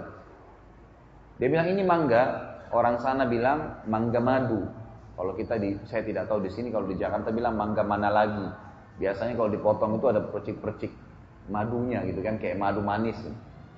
Ini mangga madu nih, orang Ternate bilang. Mau coba? Ini masak di pohon. Oh, boleh. Diambillah sama dia, dipotong. Saya makan berdua gitu, sambil ngobrol-ngobrol. Terus ada satu kalimat yang diucapkan sama dia, saya jadikan sebagai bahan ceramah, subhanallah. Dia bilang, ini pohon mangga saya tidak pernah berhenti berbuah sepanjang tahun. Setahu saya, itu kan, setahu sebatas ilmu saya, nggak ada mangga berbuah sepanjang tahun itu. Pasti ada musimnya, gitu kan. Bisa enam bulan sekali, bisa setahun sekali, gitu kan. Maka dia bilang ini sepanjang tahun. Saya bilang sama dia, kenapa kok bisa? Dikasih bibit tertentu, kan? Atau mungkin di sini lembab, hujan terus. Dia bilang enggak. Pohon mangga saya ini enggak pernah saya larang orang ambil. Pohon mangganya enggak pernah dia larang. Kemudian ikhwani, saya sudahlah selesai pembicaraan dengan dia istirahat besok pagi habis sholat subuh kemudian sudah mulai agak terbit matahari saya ke belakang rumahnya pamit. Saya mau lihat pohon mangganya. Pohon mangga itu mungkin tingginya cuma 3 meter. Saya dengan mata kepala sendiri. Dan rumahnya tidak besar kecil. Subhanallah pohon mangga itu saya belum pernah lihat sehidup saya. Semua hidup saya pohon mangga seperti itu. Pohon yang cuma 3 meter daunnya lebat buahnya itu saking banyaknya dan beratnya itu sampai tergantung mau kena ke lantai pavin bloknya dia. Dan pohon ini ternyata setengahnya pohon itu di dalam rumahnya dia, setengah lagi di luar pagarnya gitu. Dia pas keluar dia bilang sama saya, ini yang di dalam rumah, ini yang saya pakai dengan keluarga saya. Yang di luar tuh tepat seperti setengah kayak terbagi dua pohon itu. Setengahnya lagi siapa pun lewat mau ambil silahkan. Sampai kadang-kadang pedagang lewat ngambil, dijualin sama dia, dibiarin. Terus saya bilang, oh ini rahasianya. Di Jakarta saya bilang dan di sini juga saya bilang sama antum sekalian. Bedakan dengan kondisi kita coba. Pohon mangga kita kalau ada buahnya, diapain buahnya? Dibungkus, diikat. Kalau perlu tulis, jangan dicabut. Gimana nggak cuma dua tiga buah yang keluar gitu? Susah, pelitnya luar biasa gitu. Nggak bisa. Keluarin Allah kasih keajaiban tuh. Antum mau lihat reak efeknya seketika coba nanti kalau lagi mampir di satu satu rumah makan, gitu kan? Antum makan misalnya rumah makan apa yang enak, antum makan misalnya 30 ribu atau 50 ribu rupiah. Selesai makan, antum merasa nikmat, alhamdulillah, syukuri Allah. Kemudian coba beli makanan yang seperti antum makan, persis sama. Lauknya sama, nasinya sama-sama, persebungkus, satu lengkap, keluar cari siapa pun kasih. Niat sodakahin sebagai tanda syukur karena Allah sudah kasih saya ini saya balas dengan itu. Lihat bagaimana responnya Allah nanti datang rezekinya. Dan ini melebar ya, ini bukan ke mana-mana. Bisa saja dengan satu bungkus nasi, Allah nggak balas kita dengan satu bungkus nasi, tapi mungkin Allah kasih kesehatan tiga bulan, satu tahun. Mungkin nanti ada yang traktir kita makan berulang-ulang, mungkin macam-macam. Ada kisah yang menarik, kisah ulama tabi'in yang bernama Abdullah ibn Mubarak. Abdullah ibn Mubarak rahimahullah terkenal ulama tabi'in yang masyhur dengan kesolehannya dan dia bersahabat dekat dengan ulama tabi'in yang lain bernama Fudail bin Iyad radhiyallahu rahimahullah semuanya. Ini dua orang ini terkenal sekali. Jadi hampir subhanallah apalagi kalau berbicara tentang masalah tazkiyatun nafs, ya, kesucian hati, jiwa. Ini dua orang ini selalu muncul namanya nih. Abdullah bin Mubarak dan Fudail bin Iyad. Ini dua orang saling bersahabat. Tentu ada kisah-kisah masa lalu mereka, tapi saya bahas langsung ke the point. Ada satu perilaku yang menarik nih. Keduanya ini kebetulan orang kaya raya, pengusaha, ya. Tentu Fudail bin Iyad dulu ini bekas perampok, tapi sadar. Ada kisah sendiri bagaimana dia sadar ya. Saya nggak bahas itu. Setelah dia sadar, dia dia belajar agama, dia mulai hafal Quran, jadi ulama dan akhirnya jadi pengusaha. Bersahabat dekat dengan Abdullah bin Mubarak. Ada satu tradisi yang mereka lakukan menarik nih. Jadi Abdullah bin Mubarak sama Abdullah bin ini suka janjian, suka janjian. Sholat subuh kita sholat di masjid ayah, misal contoh. Ya. Kemudian duhur, asar, maghrib kita pisah, pisah tempat. Misalnya nanti Abdullah bin Mubarak bilang sama Abdullah bin Iyad, nanti kamu duhur, asar, maghrib, kamu sholatnya di masjid B, C, D. Nanti saya sholat di masjid E, F, G. Di di Isya, nanti kita ketemu di masjid H. Jadi subuh mereka satu masjid, Isya mereka satu masjid. Jadi tiga waktu sholat mereka pisah. Jadi kalau temannya sholat di masjid ini, dia dia sholat tempat lain. Untuk apa? Di tiga waktu sholat itu, duhur, asar, dan maghrib tidak meluangkan waktu terlalu banyak. Habis sholat lima waktu, khusus saja, mereka itu selalu janjian untuk mencari siapa orang yang masih tinggal di masjid dan ibadah apa yang sedang dikerjakan. Misal, ada orang di pinggir masjid sana lagi baca Quran, didatangin sama dia. Kenapa anda baca Quran? Apa motivasinya? Oh ini, ini, ini, ini. Jadi dia dapat ilmu lagi. Ada orang di sana di ujung sujudnya lama. Ditanya sama dia, kenapa anda sujud lama? Apa? Apa motivasinya? Ada yang apa saja ibadah yang dia lihat di masjid itu saja. Kalau nggak ada ya sudah. Tapi kalau ada duhur, asar, maghrib, nanti isya mereka saling sharing. Nih tadi saya ketemu ini nih, tadi saya lihat begini. Jadi tiap hari selalu dapat kisah-kisah baru gitu dari orang-orang yang melakukan ibadah untuk meningkatkan kualitas ibadah mereka. Dan ini satu perilaku yang luar biasa ya. Saya sarankan ikhwani diri saya dan juga diri antum sekalian Tentu kalau saya bilang ikhwani, kalau kita globalkan masuk semua akhwat ya. Jadi ini akhwatnya jangan tersinggung di atas. Jadi ini semuanya ya kita harus memahami satu poin dalam ibadah, jangan stuck di satu level. Tapi kualitas ibadah tingkatkan. Firman Allah Subhanahu wa taala saya kembali ke kisah bulan Mubarak. Firman Allah Subhanahu wa taala, "A'udzubillahi minasyaitonir rajim. Innallaha la yughayyiru ma biqaumin hatta yughayyiru ma bi anfusihim." Allah tidak akan mengubah keadaan satu kaum sampai mereka mengubah diri mereka sendiri. Apa kata ulama tafsir? Ini dari buruk menjadi baik. Ini sudah umum orang tahu. Misal, dia dari berbuat dosa kepada sadaran taubat. Ini sudah umum orang tahu. Tapi banyak orang tidak tahu, masuk dalam ayat ini, sudah baik menjadi lebih baik. Ini masuk di dalamnya. Kalau antum setelah ikut pengajian sunnah, udah paham sunnah Nabi SAW, kemudian merasa puas dengan ibadah yang sudah dikerjakan, tidak berusaha meningkatkan kualitasnya, maka antum akan stuck di situ nanti. Ikhwani kita dianjurkan untuk meningkatkan kualitas. Selalu berusaha, jangan pernah berhenti menuntut ilmu, jangan pernah berhenti untuk minta dinasihatin, jangan pernah berhenti untuk selalu meningkatkan apa pun yang kita kerjakan. Kalau kita biasa sodaka seribu rupiah, sekarang kita sodaka dua ribu rupiah. Kalau kita biasa dua ribu rupiah, kita tingkatkan lima ribu rupiah. Kalau sekarang kita terima zakat, tahun depan bagaimana saya mengeluarkan zakat? Selalu beda orang yang punya target, dan dia sudah mulai melangkah, Allah akan mudahin tuh. Yang penting dia ubah dulu, dia mulai dulu. Seperti bola salju. Saya kayaknya sadar ini Ustadz umur 35 tahun, 40 tahun. Susah saya hafal Quran. Gak bisa, jangan bilang begitu. Tidak ada kata terlambat. Mulai dulu, coba dulu. Kita belum coba sudah berhenti, sudah putus asa. Enggak, itu syaitan. Harus begitu.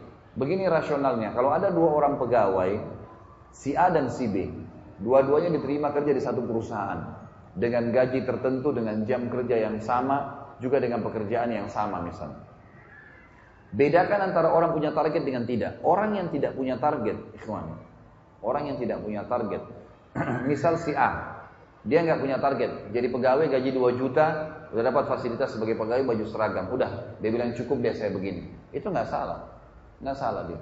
Tetapi beda dia dengan oh, si B, ini si A tadi ya, ini si B lain. Si B ini begitu masuk di perusahaan langsung dia petakan perusahaan itu, jabatan-jabatan yang ada di situ, jenjang-jenjang karirnya, apa saja syaratnya, fasilitasnya apa, dan dia target mencari yang tertinggi. Maka kita temukan nanti si B ini dan si A 10 tahun kemudian si A tetap dalam kondisi kerjaannya sampai rambutnya sudah ubanan semua, pensiun itu cuman bekerja di situ saja, nggak naik levelnya. Kita temukan si B 10 tahun kemudian sudah jadi direktur perusahaan. Nah, dia punya target. Kalau antum lagi kuliah di kampus, nilai lulus 10, dan nilai nilai tertinggi 10 dan nilai lulus 6, kalau target kita 10, maka pastikan kita bisa insya Allah dengan izin Allah sampai 10, karena kita akan mulai mencari jalan bagaimana sampai ke sampai ke 10 kan. Kita akan sampai ke 10 atau minimal dekat dengannya 9 atau 8. Kalau kita targetnya 6, nilai pas lulus, maka yang terjadi kita bisa 6 atau di bawahnya, bisa nggak lulus. Bedain. Kita selalu dianjurkan untuk menaikkan kualitas. Kata Nabi Shallallahu Alaihi Wasallam, janganlah seseorang berkata, dulu saya pernah sholat malam. Itu dulu. Dulu saya waktu umur 17 tahun pernah sholat malam selama setahun. Dulu nggak usah khawatir, tercatat, aman. Allah sudah siapkan sekretaris tanpa digaji di pundak kanan kita. Nyatat semua. Nggak pakai disuruh, dicatat sama dia. Sampai detail-detailnya dicatat. Menghayalnya pun dicatat. Gitu. Gak dibayar, gak diapa, nggak ada apa-apa. Tapi sekarang, besok, lusa, karena tiap hari punya buku lembaran amal nih. Maka harus dipikirin tuh masalah kualitasnya. Inilah yang dilakukan oleh Abdullah bin Mubarak dengan Fudail bin Iyad.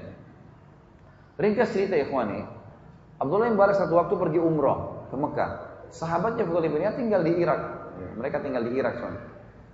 Waktu tiba di Mekah kata Abdullah bin Mubarak, saya masuk ke Mekah. Begitu saya mau tawaf, pakai baju ihram, saya lihat di dalam sekitar Ka'bah, masyarakat Mekah lagi mau pada ngumpul.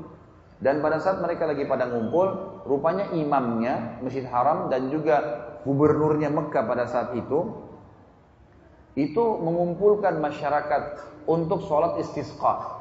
Karena menurut Abdullah bin Mubarak dalam sejarah sampai di harinya beliau belum pernah terjadi air di Mekah kering sampai sumur zam-zam pun hampir kering pada saat itu. Kecuali pada saat itu.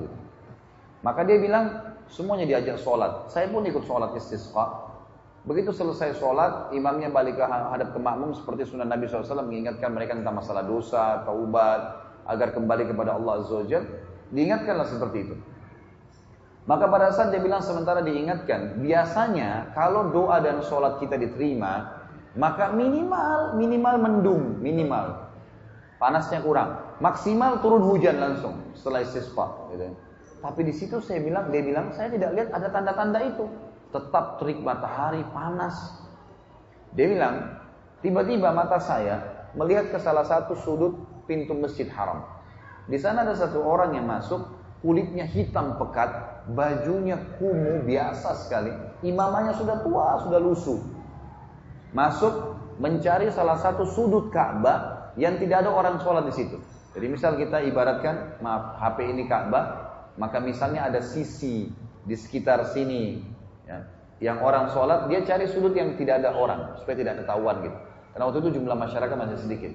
Kata Mubarak, saya lihat orang itu perhatikan dia masuk, kemudian dia sholat di salah satu sudut Ka'bah. Lalu mulailah dia hadap kiblat, dia bertakbir. Kata Abdullah Mubarak, jangan tanyakan bagaimana indahnya sholatnya orang itu.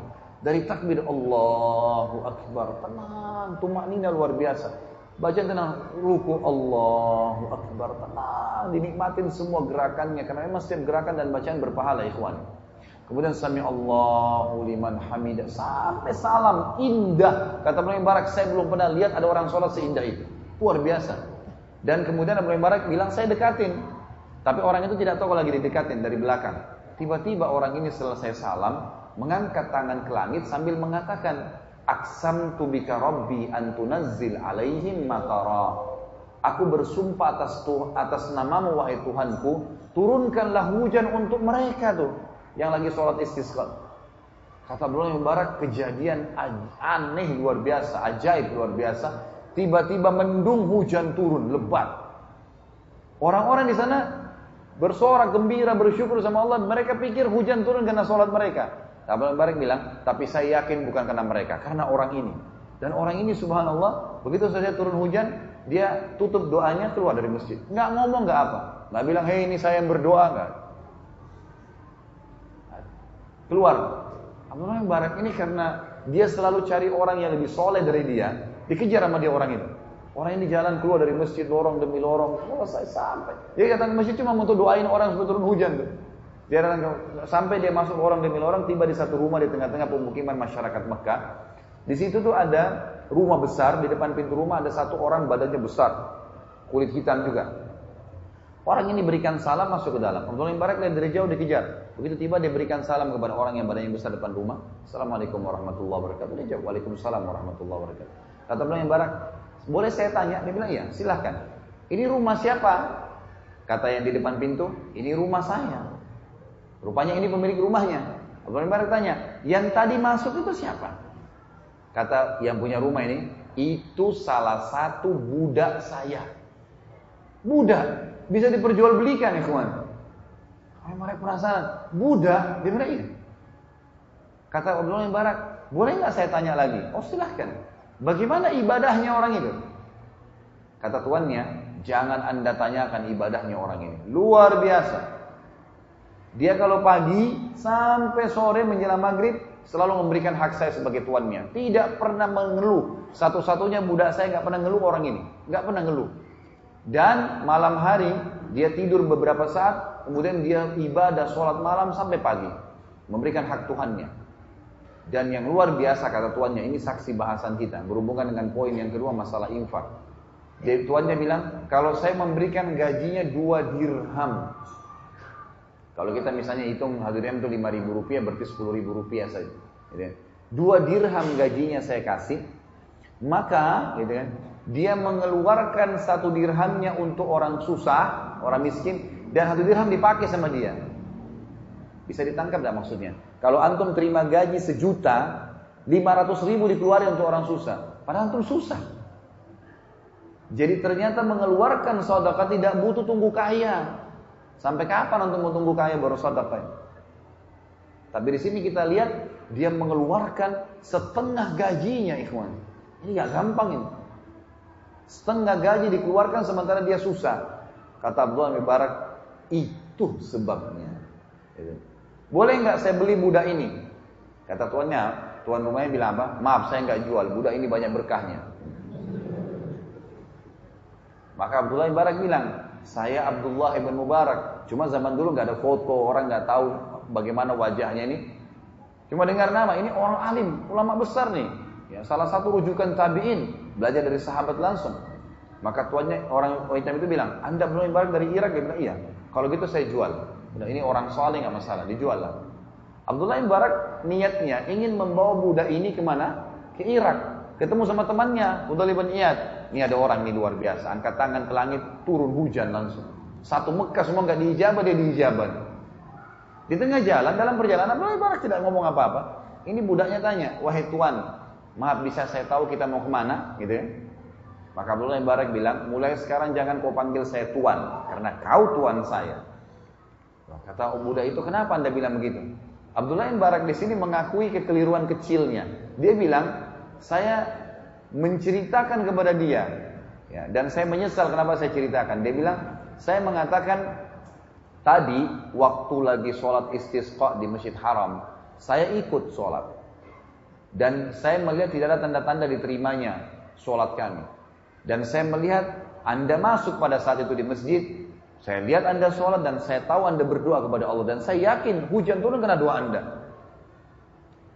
Budak ini waktu dengar kalimat tersebut mengatakan, apakah Anda melihat itu Tuhan? Dia bilang, iya. Kata budak ini apa? Bisa Anda izinkan saya sholat dua rakaat? Kata Barak, silahkan. Dengar sholat ini pasti bagus nih.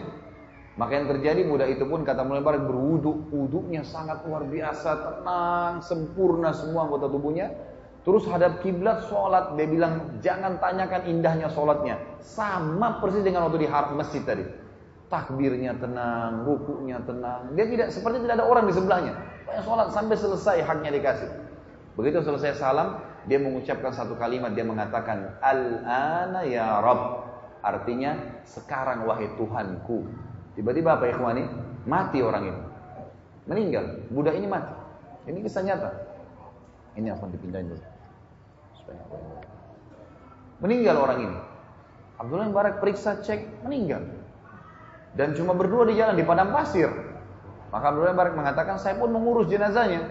Saya mandikan semampunya, saya kafani semampunya, saya kuburkan di situ lalu saya tinggalkan. Saya pun menuju ke Irak lalu saya bilang sama sahabat saya Fudail bin Iyad, Wahai Fudail, demi Allah saya bertemu dengan seseorang di Mekah yang kau sama saya tidak ada apa-apanya ibadahnya. Lalu Abdullah bin Barak menceritakan kepada kita nih. Dia kan tuannya, dia bilang, kemungkinan besar si budak ini waktu dia berdoa, waktu dia sholat, yang dia sebelum meninggal, dia berdoa dalam sholatnya mengatakan, Ya Allah, kalau seandainya ibadahku setelah ketahuan doaku kamu ijabah di masjid itu, menjadi ria, matikanlah aku. Kalau seandainya tidak, maka hidupkanlah aku. Makanya dia bilang, Al-ana ya Rob, sekarang hai Tuhanku, lalu Allah matikan. Dia kena takut ria, maka dia berdoa seperti itu. Tapi saksi bahasa Tuhan, tidak menunggu kaya raya untuk sedekah. Setengah gaji dikeluarin. Dan kalau antum berikan Allah, berikan yang terbaik. Coba, saya mau tes. Jujur tapi ya. Hah? Kalau celengan masjid lewat, antum punya seribu baru, seribu tua, yang mana dimasukin? Hah? Senyum-senyum aja nih, gak ada yang nyaut. Banyak orang tidak memahami poin ini. Yang dimasukin seribu tua. Bahkan kadang-kadang tidak malu subhanallah dikorek kantongnya cari koin yang paling kecil. Celengannya juga seng, bunyi, teng gitu. Subhanallah. Seribu tua yang antum taruh ini minta sama Allah pak kesehatan, kekuatan, keturunan, selamat dari neraka, masuk dalam surga, rewel. Dengan seribu tua. Bagaimana bisa? Seribu baru masukkan, Seribu tua pakai belanja di luar sana. Karena itu harta antum yang sebenarnya itu. Kata Nabi SAW dalam hadis Bukhari Muslim, hartamu yang sebenarnya yang kau infakkan di jalan Allah. Karena itu Allah akan pelihara itu dalam hadis Bukhari yang dikatakan Allah memelihara saudara seseorang di kalian seperti menanam sebuah pohon di sebelah arsnya, gitu kan? Sehingga menjadi tumbuh menjadi pohon yang besar dan memiliki ranting-ranting dan buah yang banyak. Jadi kita akan panen pahala yang besar. Yang hartamu yang bukan sebenarnya yang kau habiskan untuk makanan, minuman dan pakaianmu. Itu hadis sahih. Jadi banyak manusia yang tidak sadar nih. Kalau antum lihat orang fakir miskin ikhwani dan mereka lewat ya.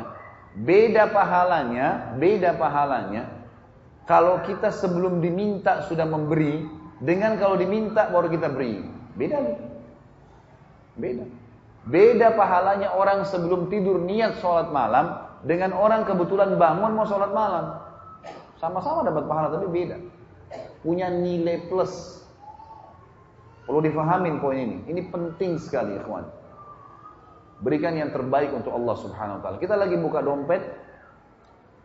Ada orang fakir miskin lewat. Ada 5 ribu. Ada 50 ribu, ada 100 ribu. Yang mana syaitan bisikin supaya antum kasih? Lima ribu. Itu pun lima ribu dikatakan masih besar. Coba cari di kantong kamu mungkin ada seribu yang kelipat. Ambil seratus ribu keluarin. Kasih fakir miskin. Itu kata kuncinya. Ikhwani, hadir majlis ilmu seperti ini tujuannya mengubah keadaan. Ini bukan testimoni, tes-tes hadir. Atau seremoni ngeramaikan bukan. Antum keluar di sana, berubah. Praktikin ilmu. Ini bukan cuman ini bukan cuma dongeng kita duduk di sini di masjid cerita-cerita kosong enggak. Semua kisah nyata yang saya sampaikan ikhwan ini masukkan dalam hati. Praktekin. Harus begitu. Baru bisa tuh ilmu itu tidak bisa cuma sekedar dicatat, cuma sekedar di oh ya, dengar bagus ya kisahnya enggak. Antum buat apa dengan ilmu itu? Karena kisah-kisah ini ternukil kepada kita, ikhwani, Allah SWT jaga supaya kita contohi, supaya kita praktekin. Mulai sekarang sedekah yang terbaik, keluarkan. Jangan tunggu kaya raya. Kalau orang kaya cuma keluarin, subhanallah. Kadang-kadang saya tegur jemaah saya di Jakarta. Di lampu merah Jakarta biasa ada orang minta tuh. Ada bagi miskin susah, bajunya sudah rusak, kesian kotor ya Allah, sudah luar biasa. Itu mobilnya mewah. Begitu ketok-ketok kaca, dibuka sedikit kacanya. Dikeluarin jarinya yang keluar koin 500 rupiah. La ilaha illallah. Mobil mewah, cerminnya lagi ditutup sudah buka, nggak mau lihat orang susah itu. Buka cermin antum tuh, ambil uang lima ribu, sepuluh ribu, kasih ke tangannya dia. Kalau sesama jenis salaman sama dia, ya kawan. Jangan sampai masukkan dalam hati. Siapa dalam kesombongan, siapa dalam hatinya ada sifat sombong seperti biji sawi tidak akan cium bau surga. Kata Nabi SAW dalam hadis Bukhari yang lain, Innama turzakuna li fukaraikum. Kalian dikasih rezeki justru karena orang-orang susah kalian tuh. Mereka-mereka itu. Ibnu Abbas kalau nggak mendapatkan ada yang datang minta-minta ke rumahnya, beliau keluar radhiyallahu anhu cari orang lalu dikasih. Gak ada orang yang gemar bersedekah itu kemudian miskin, gak ada. Saya menceritakan ayah saya pribadi di kota Makassar. Semoga Allah menjaga beliau sekarang masih hidup Alhamdulillah. Dan beliau tidak hadir. Dan ini bukan masalah ria. Tapi saya mengambil pelajaran. Ayah saya punya satu tradisi ikhwani. Yang saya terharu betul. Luar biasa gitu. Di kota Makassar dari sudah lama ini sudah hitungan tahunan. Saya sudah tidak tahu berapa puluh tahun dijalankan oleh beliau. Umurnya sekarang sudah 80 tahunan gitu. Beliau selalu setiap pagi habis sholat duha jam setengah sembilan, jam sembilan keluar. Kadang-kadang beliau bawa mobil sendiri atau memang ada yang temanin, ada sekretarisnya yang temanin gitu, dari yayasan di Makassar. Itu subhanallah beliau keliling satu kota Makassar tuh. Ada ada tempat-tempat tertentu yang didatangi oleh beliau itu orang-orang kusta. Banyak sekali jumlahnya. Di tempat-tempat mereka kumpul. Lalu ayah saya datang dan yang dikeluarkan selalu diminta dari bank uang-uang yang baru. Memang tidak besar, uang 2000, uang 5000, uang 10000, uang 20000 tapi uang baru. Kemudian ayah saya punya satu hal yang sering beliau lakukan, itu beliau selalu taruh minyak wangi di tangannya, pakai minyak wangi jadi wangi. Jadi uang ini kalau disentuh jadi wangi gitu. Dikasih ke orang-orang fakir miskin ini. Saya sampai soteng gitu. Dikasih, setiap dikasih dalam bahasa-bahasa Makassar biasa disebutkan gitu kan. Dia berdoa, semoga nanti Pak Haji dipanjangin umurnya, semoga nanti banyak rezekinya, selalu. Kalau saya hitung ikhwani, kalau saya hitung pribadi ya, itu beliau keluarkan satu hari bisa tidak kurang dari 700 sampai 1 juta rupiah. Itu selalu, selalu dikurangin. Padahal keadaan ekonomi bukan seorang miliarder, bukan.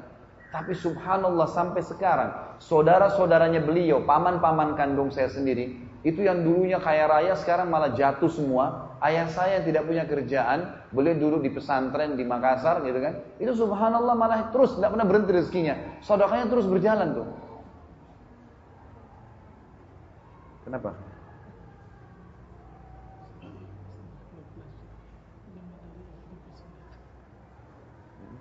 Kenapa? Oh gitu. Baik. Kita ambil pelajaran saya dari itu tadi dan e, karena melihat waktu, jadi saya insya Allah ringkaskan sampai di situ. Baik, kita lihat masalah infak ini. Firman Allah Subhanahu wa taala surah Al-Baqarah urutan 2 ayat 254. Ini dalil yang kedua setelah hadis qudsi tadi tentang bersedekah. Allah taala berfirman, "A'udzu billahi minasyaitonir rajim. Ya ayyuhalladzina amanu anfiqu mimma razaqnakum min qabli an ya'tiya yawmun la bay'un fihi wa la qullatun wa la syafa'ah wal kafiruna humudz zalimun." Hai orang-orang yang beriman, berinfaklah apa yang kami berikan rezeki kepada kalian sebelum datang hari hari kiamat nanti. Enggak ada transaksi, enggak ada kasih sayang, enggak ada saling tolong menolong. Dan orang-orang kafir mereka lah orang-orang yang zalim.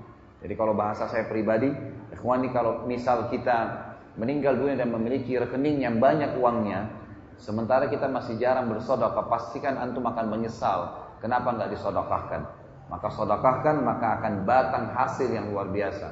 Dalam riwayat Sahih disebutkan Abdurrahman bin Auf pernah kedatangan satu peti keuntungan dari dagangannya. Kemudian beliau tidak bisa tidur dan beliau berkata, waktu istrinya tanya, kenapa Abdurrahman? Dia bilang, saya nggak bisa tidur gelisah lihat keuntungan ini. Maka dia pun akhirnya mengatakan saya akan sodokahkan. Kata istrinya sodokahkan, dia sodokahin. Habis semua malam itu. Dikeluarkan jalan Allah. Besok datang dua peti. Dikeluarin lagi, lusa datang tiga peti. Sampai Abdurrahman bin Auf menjadi miliardernya sahabat. Ini tentu akan ada bahasan sendiri. Tapi itu buktinya. Kemudian surah yang lain surah Ibrahim urutan 14 ayat 31 sampai 34. A'udzu billahi rajim. Qul li ibadiyalladzina amanu yuqimus salata wa yunfiqu mimma razaqnahum sirran wa alaniyatan min qabli an ya'ti yaumun la bay'un fihi wala khilal. Katakanlah kepada hamba-hambaku yang beriman, mereka dirikan salat, mereka mengeluarkan ya, apa yang telah kami berikan kepada mereka rezeki, makanan, pakaian, uang dan seterusnya. Baik secara sembunyi-sembunyi atau terang-terangan. Jadi kadang-kadang di depan umum ada orang yang minta, nggak mungkin kita nolak, gitu kan? Sebelum datang hari yang tidak ada transaksi dan tidak ada lagi kasih sayang, maksudnya hari kiamat di mahsyar. Kita tahu firman Allah SWT, A'udzu billahi minasyaitonir rajim yafiru mar'u min akhi wa ummihi wa abi wa sahibatihi wa bani. Pada hari kiamat orang lari dari saudara kandungnya, dari e, ibu dan ayahnya, dari pasangan hidupnya dan juga dari anak-anaknya. Karena susah pada saat itu. Maka tidak lagi transaksi. Kata Allah, yang menyuruh kalian sholat dan menginfakkan apa yang kalian inginkan, apa yang kalian dapatkan rezeki supaya bertambah rezeki kalian, Allah bilang, Allahul ladzi khalaqas samawati wal arda wa anzala minas sama'i ma'an fa akhraja bihi minas thamarati rizqan lakum. Allah lah yang telah menciptakan langit dan bumi dan juga menurunkan dari langit air, kemudian mengeluarkan dengan air itu buah-buahan sebagai rezeki buat kalian. Itu yang menyuruh kalian dirikan sholat dan mengeluarkan infak di jalannya. Wa ya, fulka ditajriya bi fi ditajriya fil bahri bi amri wa anhar dan dia juga yang telah menundukkan lautan sehingga bahtera-bahtera kalian bisa meng, bisa mengaum di atasnya, bisa ya, jalan di atas air itu sehingga kapal-kapal ini bisa memuat kebutuhan manusia, bisa mengambil kekayaan-kekayaan laut dari hewan-hewannya, ikan dan seterusnya. Dan juga Allah tundukkan buat kalian sungai-sungai. Dan juga dia menundukkan buat kalian, menundukkan buat kalian matahari dan bulan yang da'ibain, rutin. Setiap pagi begini, terbit sampai terbenam malam, kemudian malam ada bulan. Terus begitu, memenuhi kebutuhan manusia. Dan dia juga telah menundukkan buat kalian malam dan siang. Wa atakum min kulli ma dan dia memberikan kepada kalian semua yang kalian minta. Wa in ta'uddu ni'matallahi la tuhsuha. Kalau kalian ingin menghitung-hitung nikmat Allah maka kalian tidak akan mampu.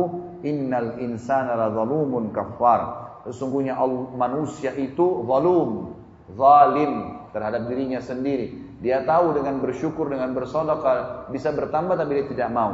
Kafar, suka memungkiri nikmat Allah Subhanahu wa taala. Yang ketiga adalah halalan thayyiban menikmati yang halal dan meninggalkan yang haram. Halal yang Allah bolehkan, haram yang Allah larang, gitu kan? Jauhi semua. Pokoknya haram sedikit pun jangan sentuh. Syubhat saja tinggalkan, tidak perlu. Antum tidak akan mati gara-gara tinggalkan yang haram, tidak. Kadang-kadang ada orang kena gengsi, restoran ini dikenal namanya. Tapi syubhat, mungkin halal, mungkin tidak, tidak apa-apa deh, yang penting saya coba, nggak bisa. Sedikit masuk yang haram bisa berbahaya. Ingat sabda Nabi SAW dalam hadis Bukhari, lahmun nabata min suhtin an-naru awla bihi. Da daging yang tumbuh dari hal yang haram maka neraka lebih pantas baginya. Allah Subhanahu wa taala menyuruh kita menikmati yang halal dan thayyib. Halal yang dibolehkan halal thayyib ini berkualitas. Jadi termasuk mensyukuri nikmat ikhwani dan akhwati adalah kalau kita punya ada anggur dengan harga 50 ribu per kilo dan ada anggur harganya 100 ribu per kilo. Antum mampu beli yang 100 ribu, beli yang 100 ribu. Itu bukan mubazir. Tapi itu termasuk bagian dari syukur nikmat. Termasuk bagian dari syukur nikmat. Kita pengen baju, ada baju harga 50 ribu, ada baju 100 ribu. Dan kita mampu beli yang 100 ribu. Beli yang 100 ribu, nggak apa-apa. Yang penting dalam kaidahnya ulama bilang la ifrat wala tafrid. Ifrat itu terlalu berlebihan dan tafrid terlalu pelit. Berada di tengah-tengahnya. Tidak perlu juga kita punya 100 lembar baju, tidak perlu juga kita punya 10 mobil, tapi boleh dalam Islam menggunakan kendaraan yang mewah, rumah yang bagus, memakai memakan makanan yang berkualitas itu semua diperintahkan dalam agama. Pernah Abu Hanifah kedatangan seseorang muridnya yang berantakan bajunya, rambutnya juga berantakan hadir di majelisnya. Abu Hanifah rahimahullah seorang ulama madhab 4, salah satunya dan terkenal dengan kekayaannya. Beliau pedagang, pemasok terbesar di Irak waktu itu, sutra, kain sutra. Imam Abu Hanifah selesai bubar pengajian melihat orang itu masih ada lalu dipanggil. Kata Imam Abu Hanifah rahimahullah, coba kamu ke mihrab, angkat sejadah saya, ambil apa yang dibawa sejadah. Maka orang ini pun datang, mengangkat, ternyata di bawah ada sekitar 500 dirham uang. Lalu kata orangnya di bawah, ini imam. Imam ini kayak kita sekarang kiai atau guru gitu. Ini, kata Abu Hanifah, ambillah, perbaiki keadaanmu. Ambil. Imam Abu Hanifah mau sedekahkan gitu. Orang itu tiba-tiba mengatakan kalimat yang aneh gitu. Dia bilang, tapi saya orang kaya imam, saya nggak butuh. Kata Abu Hanifah kalau begitu, melihat keadaannya dia berantakan, bajunya kotor, rambutnya berantakan. Maka Imam Hanifah mengatakan, mana kau dari sabda Nabi SAW? Inna Allah yuhibbu an yara athara ni'amihi ala abdi. Allah suka melihat bekas nikmatnya pada hambanya. Jadi di sini kita dibolehkan. Jangan pernah antum mengatakan dengan pakai baju kumuh, baju kotor, makan roti kering bagian dari Islam. Sama sekali tidak. Nabi SAW menggunakan baju dari kain kutun Yaman. Nabi SAW memiliki kuda yang terbaik. Nabi SAW suka menjaga kebersihan dan wangi badannya, pakaiannya dan seterusnya. Gitu ya. Tapi Nabi SAW tidak berlebih-lebihan, tidak berlebih-lebihan. Allah SWT mengatakan tentang masalah ini dalam surah Al-Maidah urutan 5 ayat 87 sampai 88. A'udzu billahi minasyaitonir rajim. Ya ayyuhalladzina amanu la tuharrimu thayyibati ma ahallallahu lakum wa la ta'tadu. Hai orang-orang yang beriman jangan kalian halal haramkan kebaikan-kebaikan. Maksudnya gara-gara mau perhitungan akhirnya tidak mau beli makanan yang lebih enak. Enggak boleh. Asal jangan beli berlebihan, jangan mubazir, gitu kan. Jangan kalian haramkan kebaikan-kebaikan yang telah Allah halalkan buat kalian dan jangan ta'tadu, jangan berlebihan. Inna Allah la yuhibbul mu'tadin. Allah tidak suka dengan yang berlebihan. Wa kulu mimma razaqakumullahu halalan. Makan, minum, nikmatin apa yang telah Allah siapkan sebagai rezeki yang halal, yang boleh dan thayyiba, yang berkualitas. Wattaqullaha alladzi antum bihi mu'minun. Bertakwalah kepada Allah yang kalian kepadanya beriman. Dalam surah An-Nahl urutan 16 ayat 114 Allah SWT juga berfirman A'udzubillahi minasyaitonirrajim Fakulu mimma razaqakumullahu halalan tayyiban washkuru ni'matallahi in kuntum iyyahu ta'budun. Makanlah dan minumlah apa yang telah Allah jadikan sebagai rezeki kalian yang halal, yang dibolehkan saja dan thayyibah serta yang berkualitas dan bersyukurlah, syukuri nikmat-nikmat Allah itu kalau kalian kepadanya menyembah. Yang keempat, adalah memperbanyak istighfar. Memperbanyak istighfar. Jadi 4 sampai 10 ini saya ringkaskan. Memperbanyak istighfar. Istighfar kepada Allah SWT. Jadi selalu memperbanyak astagfirullah, astagfirullah, astagfirullah. Dalam riwayat sahih dikatakan Nabi SAW sehari beristighfar 70 sampai 100 kali. Gitu kan? Ada sebagian ulama mengatakan bahwasanya orang cukupkan dengan 70 sampai 100 kali membaca dalam sehari. Ada juga sebagian ulama hadis mengatakan Nabi SAW bukan 70 sampai 100 kali per hari, tapi 70 sampai 100 kali setiap kali beristighfar. Jadi ini pemahaman yang lebih luas. Artinya setiap kali Nabi SAW punya kesempatan istighfar, beliau tidak berhenti sampai 70 atau 100 kali. Nanti kalau sebentar lagi kesempatan istighfar 70 sampai 100 kali. Jadi satu hari bisa berapa kali? Dan Allah alam saya melihat makna yang kedua lebih tepat. Karena ada kisah Imam Ahmad rahimahullah Ya, ini yang Imam Ahmad rahimahullah terkenal di akhir hidupnya. Salah satu dari empat madhab, imam, imam, imam empat madhab ini pernah tidak tahu kenapa di akhir hidup beliau terpikir untuk mendatangi salah satu kota di Irak. Lalu beliau pun pergi ke sana dan tidak dikenal, tidak ada yang kenal beliau. Karena beliau sudah tua dan juga zaman dulu seperti saya bilang tadi nggak ada foto.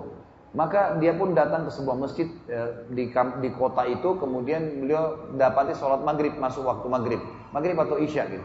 Lalu kemudian beliau sholat. Setelah selesai sholat isya, Beliau kena musafir, tidak ada orang dikenal di kampung itu, dia juga tidak tahu kenapa dia ke sana. Dia bilang hatinya tergerak sekali untuk datang. Dia bilang saya pun ambil menuju ke sudut masjid lalu saya tidur, baring.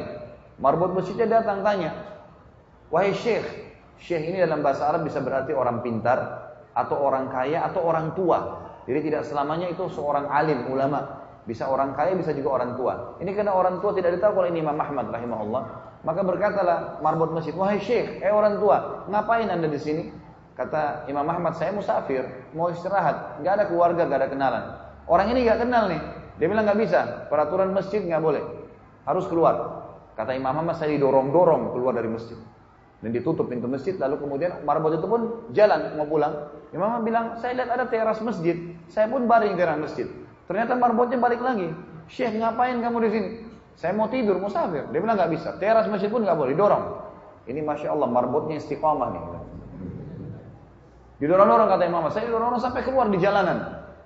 Begitu saya didorong keluar dari jalanan, saya belum tahu mau ke mana. Di sebelah masjid rupanya ada satu rumah. Rumah orang ini pembuat roti. Lagi buat adonan roti, dia lihat Imam Ahmad, dia teriak, Syekh, di sini aja, ke rumah saya. Dia dengar rupanya dari pembicaraan antara Imam Muhammad sama eh, marbot masjid ini. Datanglah dia ke tempat roti tersebut, ada sebuah ruangan, ini tempat bisnisnya dia saja gitu. Rumahnya ada. Dia buat-buat roti sambil jual gitu. Dia bilang ada ruangan di sini, kosong Anda silakan tidur. Kata Imam Ahmad, saya lalu memperhatikan perilakunya pembuat roti ini. Kalau saya tidak nanya, dia nggak bicara. Kalau saya nanya baru dia nyaut. Sementara saya tidak bicara dengan dia, dia pecahin telur, ngambil tepung, ngambil garam, dicampur sama air sambil astagfirullah, astagfirullah, astagfirullah, terus non stop, nggak pernah berhenti. Dia berhenti kalau cuma ditanya oleh Imam Ahmad atau dia bertanya sesuatu gitu. Imam Ahmad bilang, sudah berapa lama kamu amalkan istighfar begini? Kata orang itu sudah lama, sudah lama dari dulu. Kata Imam Muhammad, apa hasilnya? Apa hasil kamu istighfar seperti ini? Dia bilang, semua apa yang saya minta dari oleh Allah dikasih. Semuanya. Tidak pernah Allah tidak kabulkan. Kecuali satu. Tinggal satu yang belum Allah kasih. Kata Imam Ahmad, apa itu? Dia bilang, saya minta kepada Allah agar dipertemukan dengan Imam Ahmad. Sementara ini Imam Ahmad di depannya, gitu kan? Kata Imam Ahmad, Allahu Akbar, istighfarmu mendorong saya datang dari kampung saya ke sini dan istighfarmu yang membuat marbot masjid mendorong-dorong saya dan sampai Allah membawa saya ke rumahmu karena istighfarmu. Istighfar kekuatannya luar biasa. Jangan dianggap remeh, berbanyak istighfar sambil melangkah daripada antum naik motor di lampu merah bingung lihat helmnya orang, merek mobilnya orang lain, istighfar. Yani, lagi belanja sesuatu di minimarket sambil istighfar, sambil ambil minuman, sambil ambil ini, manfaatnya besar. Perbanyak istighfar. Jangan penalisan kita diam. Maka ini manfaatnya besar. Pernah datang kepada Hasan Basri tiga orang. Hasan Basri seorang ulama tabi'in.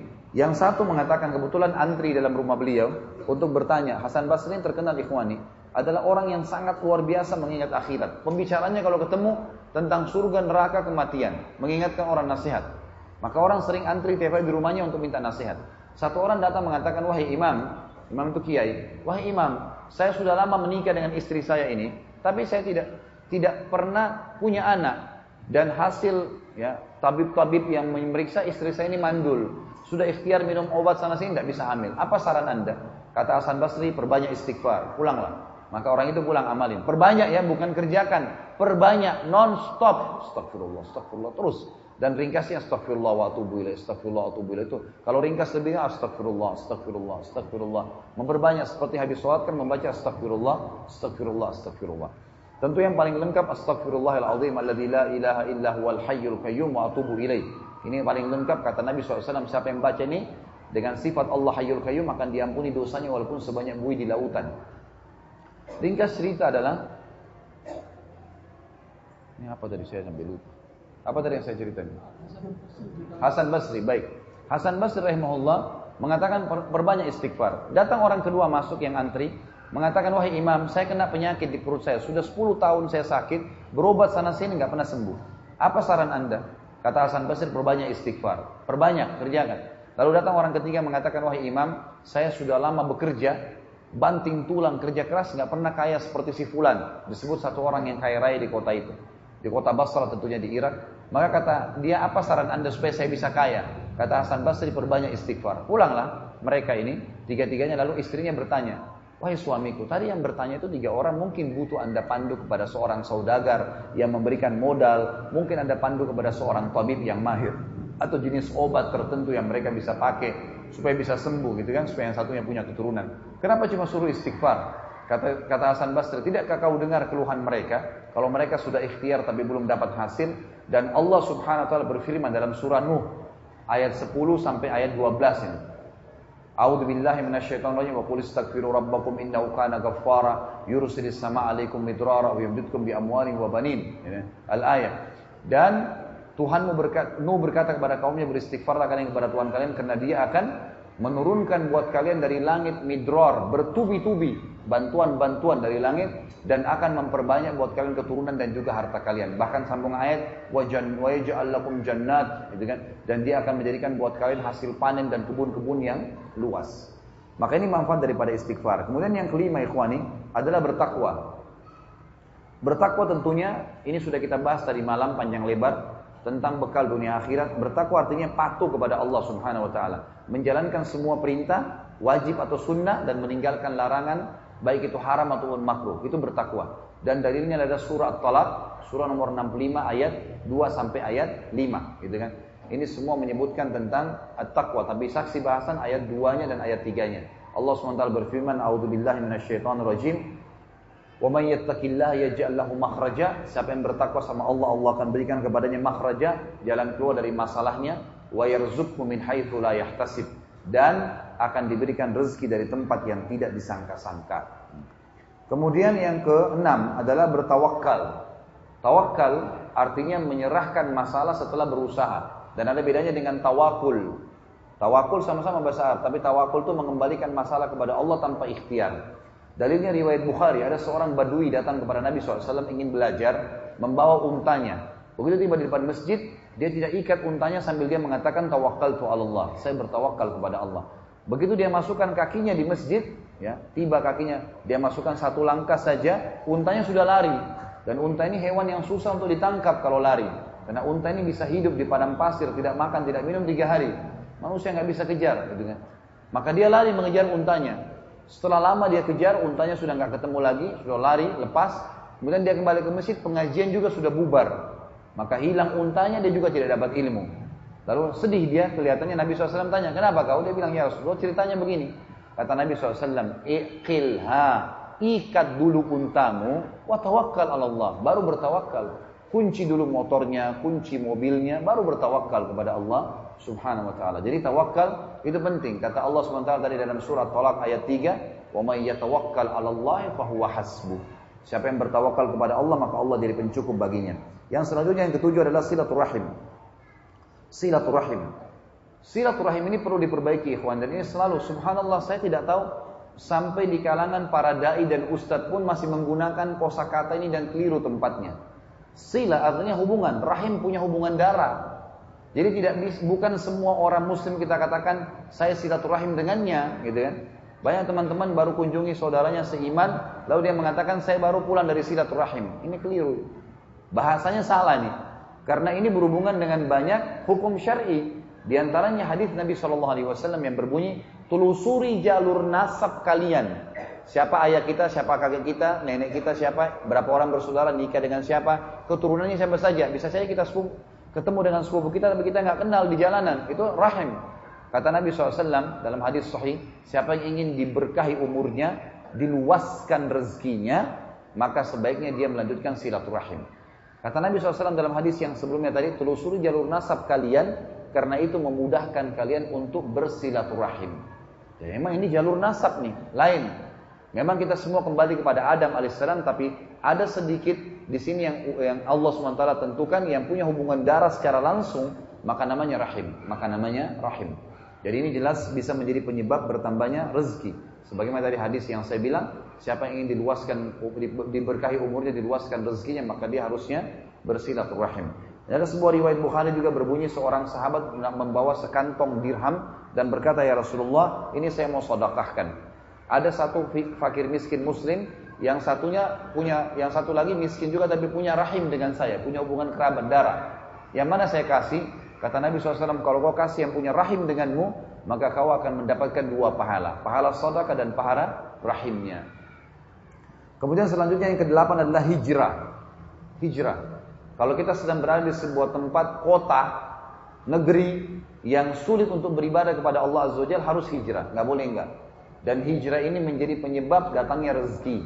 Dalilnya surah An-Nisa ayat 100. A'udzu billahi minasyaitonir rajim wa may yuhajir fi sabilillahi yajid fil ardi muragaman katsira wasa'a. Siapa yang berhijrah di jalan Allah, meninggalkan negeri yang sulit dia ibadah ke negara muslim, ke negara yang bisa dia ibadah, maka dia akan mendapatkan muragama, peluang-peluang yang banyak, wasa'a dan juga keluasan rezeki.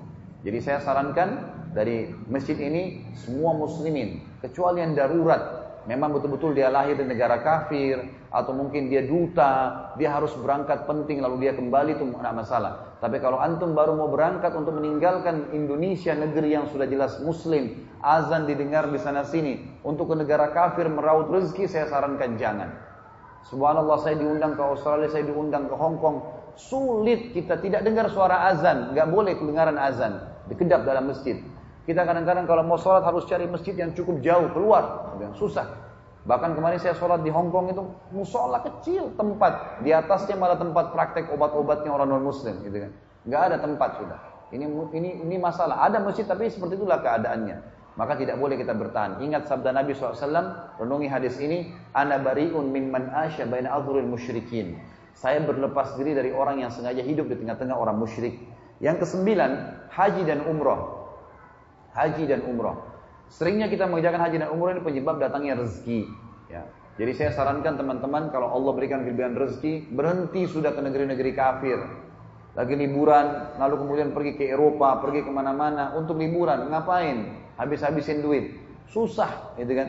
Susahnya itu cari makanan halal susah, hiburannya jelas hiburan seperti mereka. Kenapa nggak umroh? Sudah umroh Ustaz. Kenapa nggak haji? Sudah haji Ustaz. Umroh dan haji lagi. Dalam sabda Nabi SAW yang sahih kata Nabi SAW riwayat Hakim dalam kitab Mustadraknya kata Nabi SAW haji dan umroh yang dikerjakan secara berkesinambungan akan menghilangkan kemiskinan dan kesusahan hidup sebagaimana api menghilangkan karat dari besi. Jadi umroh haji itu menyebabkan kekayaan. Ya. Orang menjadi mudah. Subhanallah tidak ada orang kurang umroh haji itu kemudian miskin tidak ada. Pasti orangnya sudah dicukupi oleh Allah Subhanahu Wa Taala. Dan Subhanallah berapa banyak keluarga yang tadinya liburan mereka ke Eropa, akhirnya dia sibuk sama istrinya di dalam kamar hotel, anaknya pun jadi rusak, berzinalah, kebarlah, mabuk-mabukan. Setelah mereka alihkan umroh, gitu kan, pergi umroh, anak-anaknya keluar jam 2 malam jam 3 malam pun mereka nggak perlu khawatir. Karena di, di Mekah dan di Madinah dari kamar hotel ke masjid. Kalaupun ke mall mallnya nggak ada musiknya. Perempuan semua tutup aurat. Apa yang terjadi anak-anak mereka malah berubah total sampai ada yang minta supaya diberikan travel oleh ayahnya dan sudah tidak mau lagi ke Eropa kalau liburan maunya berangkat umroh dan haji satu hal yang luar biasa saya pernah jalan dengan satu pengalaman dengan satu salah satu jemaah saya saya waktu itu kebetulan dia orang mampu dan masya Allah tinggal di Irian dan orang ini eh, asli turunan Sulawesi tentunya dari orang Bugis. Kemudian duduk sama saya satu kamar, eh, tinggal, tinggal sama saya satu kamar. Waktu itu kebetulan kisahnya kita 4-5 tahun yang lalu dan biayanya sekitar 30 juta bintang 5. Waktu dia satu kamar sama saya selesai sholat lagi ngobrol-ngobrol, saya bilang, Pak, Bapak bayar berapa umroh? 30 juta Ustaz. Besar nggak? Dia bilang, ya sedang, karena memang beliau orang kaya, Masya Allah. Terus dia bilang, saya bilang, Pak mau nggak kita hitung-hitungan pahala yang kita bisa jangkau saja ya dan kita bandingkan dengan pengeluarannya Bapak yang 30 juta. Dia bilang bisa Ustaz, saya bilang bisa tapi yang ada dalilnya saja. Contoh saya bilang, kita hitung satu aja ya, pahala sholat yang Bapak akan dapatkan karena sholat di Masjid Haram Mekah. Oh baik Ustaz, baik. Nabi SAW bersabda, sholat di Masjid Haram Mekah sama dengan 100 ribu kali dibandingkan tempat lain. Kan gitu. Hadis. Tentu Madinah seribu kali. Di masjid itu seribu kali. Tapi kita ambil contoh Mekah waktu saya kasih contoh. Mekah 100 ribu pahala. Saya bilang Pak, satu hari sholat wajib itu cuma satu kali. Subuh, duhur, asar, maghrib cuma satu kali. Kalau kita hitung 100 ribu kali lipat, berarti kalau satu hari satu kali kita anggap 100 ribu hari. 100 ribu hari. Kalau 100 ribu hari itu dibagi dengan jumlah hari satu tahun, 365 hari, akan keluar angka kalau saya tidak salah itu 274 tahun. 274 tahun. Jadi satu kali sholat di haram Mekah sama 274 tahun sholat di Indonesia, gitu kan? Itu kalau sholat sendiri. Kalau sholat berjamaah, hadis sahih riwayat Imam Ahmad kata Nabi SAW, sholat seseorang di antara kalian di rumahnya, di pasarnya dibandingkan masjidnya, perbandingannya 25 kali lipat. 25 kali lipat. Kalau 274 tahun dikali 25, 6.500 tahun sekian. Saya bilang coba Bapak kali-kalikan tuh. 6.500 tahun sekian satu sholat. Kalau dibagi dengan 30 juta nggak ada nilainya. Belum lagi dijanjikan orang yang keluarkan umroh dan haji ini diluaskan rezekinya. Sebagaimana hadis sudah saya sebutkan sebelumnya. Belum lagi hadis riwayat muslim yang berbunyi, sholat sendiri dan sholat berjamaah perbandingannya 27 derajat. Tadi 25 kali lipat itu pahalanya. 27 derajat beda. Kata Ibnu Abbas radhiyallahu satu derajat ke derajat yang di atasnya itu di surga nantian 27 derajat. Perbedaan sholat sendiri dengan berjamaah itu 500 tahun jaraknya. Berarti kalau 27 derajat 500 tahun kali 27 itu sekitar 12.500 tahun sekian perbedaan derajat di surga. Maka ini contohnya, kita dapat pahala yang luar biasa. Belum pengalaman-pengalaman lain kita temuin orang-orang Islam yang dari negara, dari beragam negara gitu kan, etnis dan seterusnya. Kita lihat kita tidak sendirian muslim. Belum pengalaman-pengalaman sejarah melihat di Madinah tempat perang Uhud Nabi SAW, kemudian melihat kuburan para sahabat, kuburan Nabi SAW, kita melihat ternyata ini bukan cuma sekedar dongeng, memang ada dan banyak pengalaman yang lain dari ibadah-ibadah dan pahala yang kita dapatkan. Yang terakhir ikhwani yang sepuluh adalah doa. Selalu berdoa kepada Allah Azza wa Jalla dan jangan berhenti masalah doa ini. Kalau doa ini tentunya ringkas definisinya adalah curhat. Ya, penyampaian kebutuhan kita kepada Allah Subhanahu wa taala, gitu kan? Dan ini ya, kalau mau diterima oleh Allah lakukan lima hal. Lima poin diterimanya doa. Yang pertama ikhlas kepada Allah Subhanahu wa taala, ikhlas. Enggak ada yang lain. Ikhlas semua ini. Wa ma umiru illa liya'budullaha mukhlishina lahu dinahu hunafa. Al-ayat. Allah tidak perintahkan mereka kecuali untuk mengikhlaskan. Jangan karena ria, jangan karena mau dipuji, jangan karena terpaksa, jangan karena rutinitas, memang karena ikhlas kepada Allah SWT. Dan di sini kata Nabi SAW, Ya, kenalilah Tuhanmu di waktu kamu lagi senang, dia akan kenali kamu pada dia akan kenali kamu pada saat kamu lagi susah. Jadi walaupun kita lagi sehat, minta. Saya bilang tadi kata kuncinya lebih besar pahalanya minta dipertahankan nikmat daripada sudah hilang nikmat baru kita minta dikembalikan. Yang pertama ikhlas. Yang kedua, ya, tidak tergesa-gesa dalam ucapan lisan dan dalam menunggu proses penerimaannya. Kata Nabi SAW dalam hadis Bukhari Muslim, yustajabu li ahadikum malam ya'jal. Pasti diterima seseorang di antara kalian permintaannya selama tidak tergesa-gesa. Kata para sahabat, wa kaifa ya'jal ya Rasulullah? Bagaimana cirinya orang yang tergesa-gesa? Beliau mengatakan, qala yaqulu da'autu da'autu wa lam yustajabu li fatarakat du'a. Dia mengatakan saya sudah berdoa, saya sudah berdoa tapi tidak belum belum lihat hasilnya, maka dia pun meninggalkan doa. Doa itu punya proses. Kalau kita itu sudah sunnatullah. Kalau kita lapar bilang ya Allah, hilangkan lapar saya. Apa yang terjadi? Apakah setelah doa lapar kita langsung hilang spontan? Tidak. Tapi kita akan dapat makanan, kemudian kita mengunyahnya, kemudian diproses oleh usus, baru laparnya hilang. Kalau kita capek, ya Allah hilangkan capek saya. Allah buat kita ngantuk, tidur berapa jam, baru capeknya hilang. Kalau kita sakit, dokter dimudahkan oleh Allah memberikan obat dan ada dosis tiga hari, satu minggu. Kita minum, ikuti dosisnya maka kita akan sembuh. Ada prosesnya, nikmatin proses itu. Yang ketiga, adalah menjauhi makanan, minuman, pakaian haram. Kata Nabi SAW dalam hadis Bukhari, seseorang yang rambutnya berantakan, bajunya kotor, tidak pakai alas kaki, mengatakan, Ya Allah berikan, Ya Allah kasih, tapi Allah tidak berikan. Bagaimana Allah bisa kasih sementara makanan, pakaian, minumannya haram? Nggak boleh. Yang keempat, tidak meminta yang haram. Dia sendiri tidak minta yang haram. Ya, dan tidak berdoa di tempat yang haram.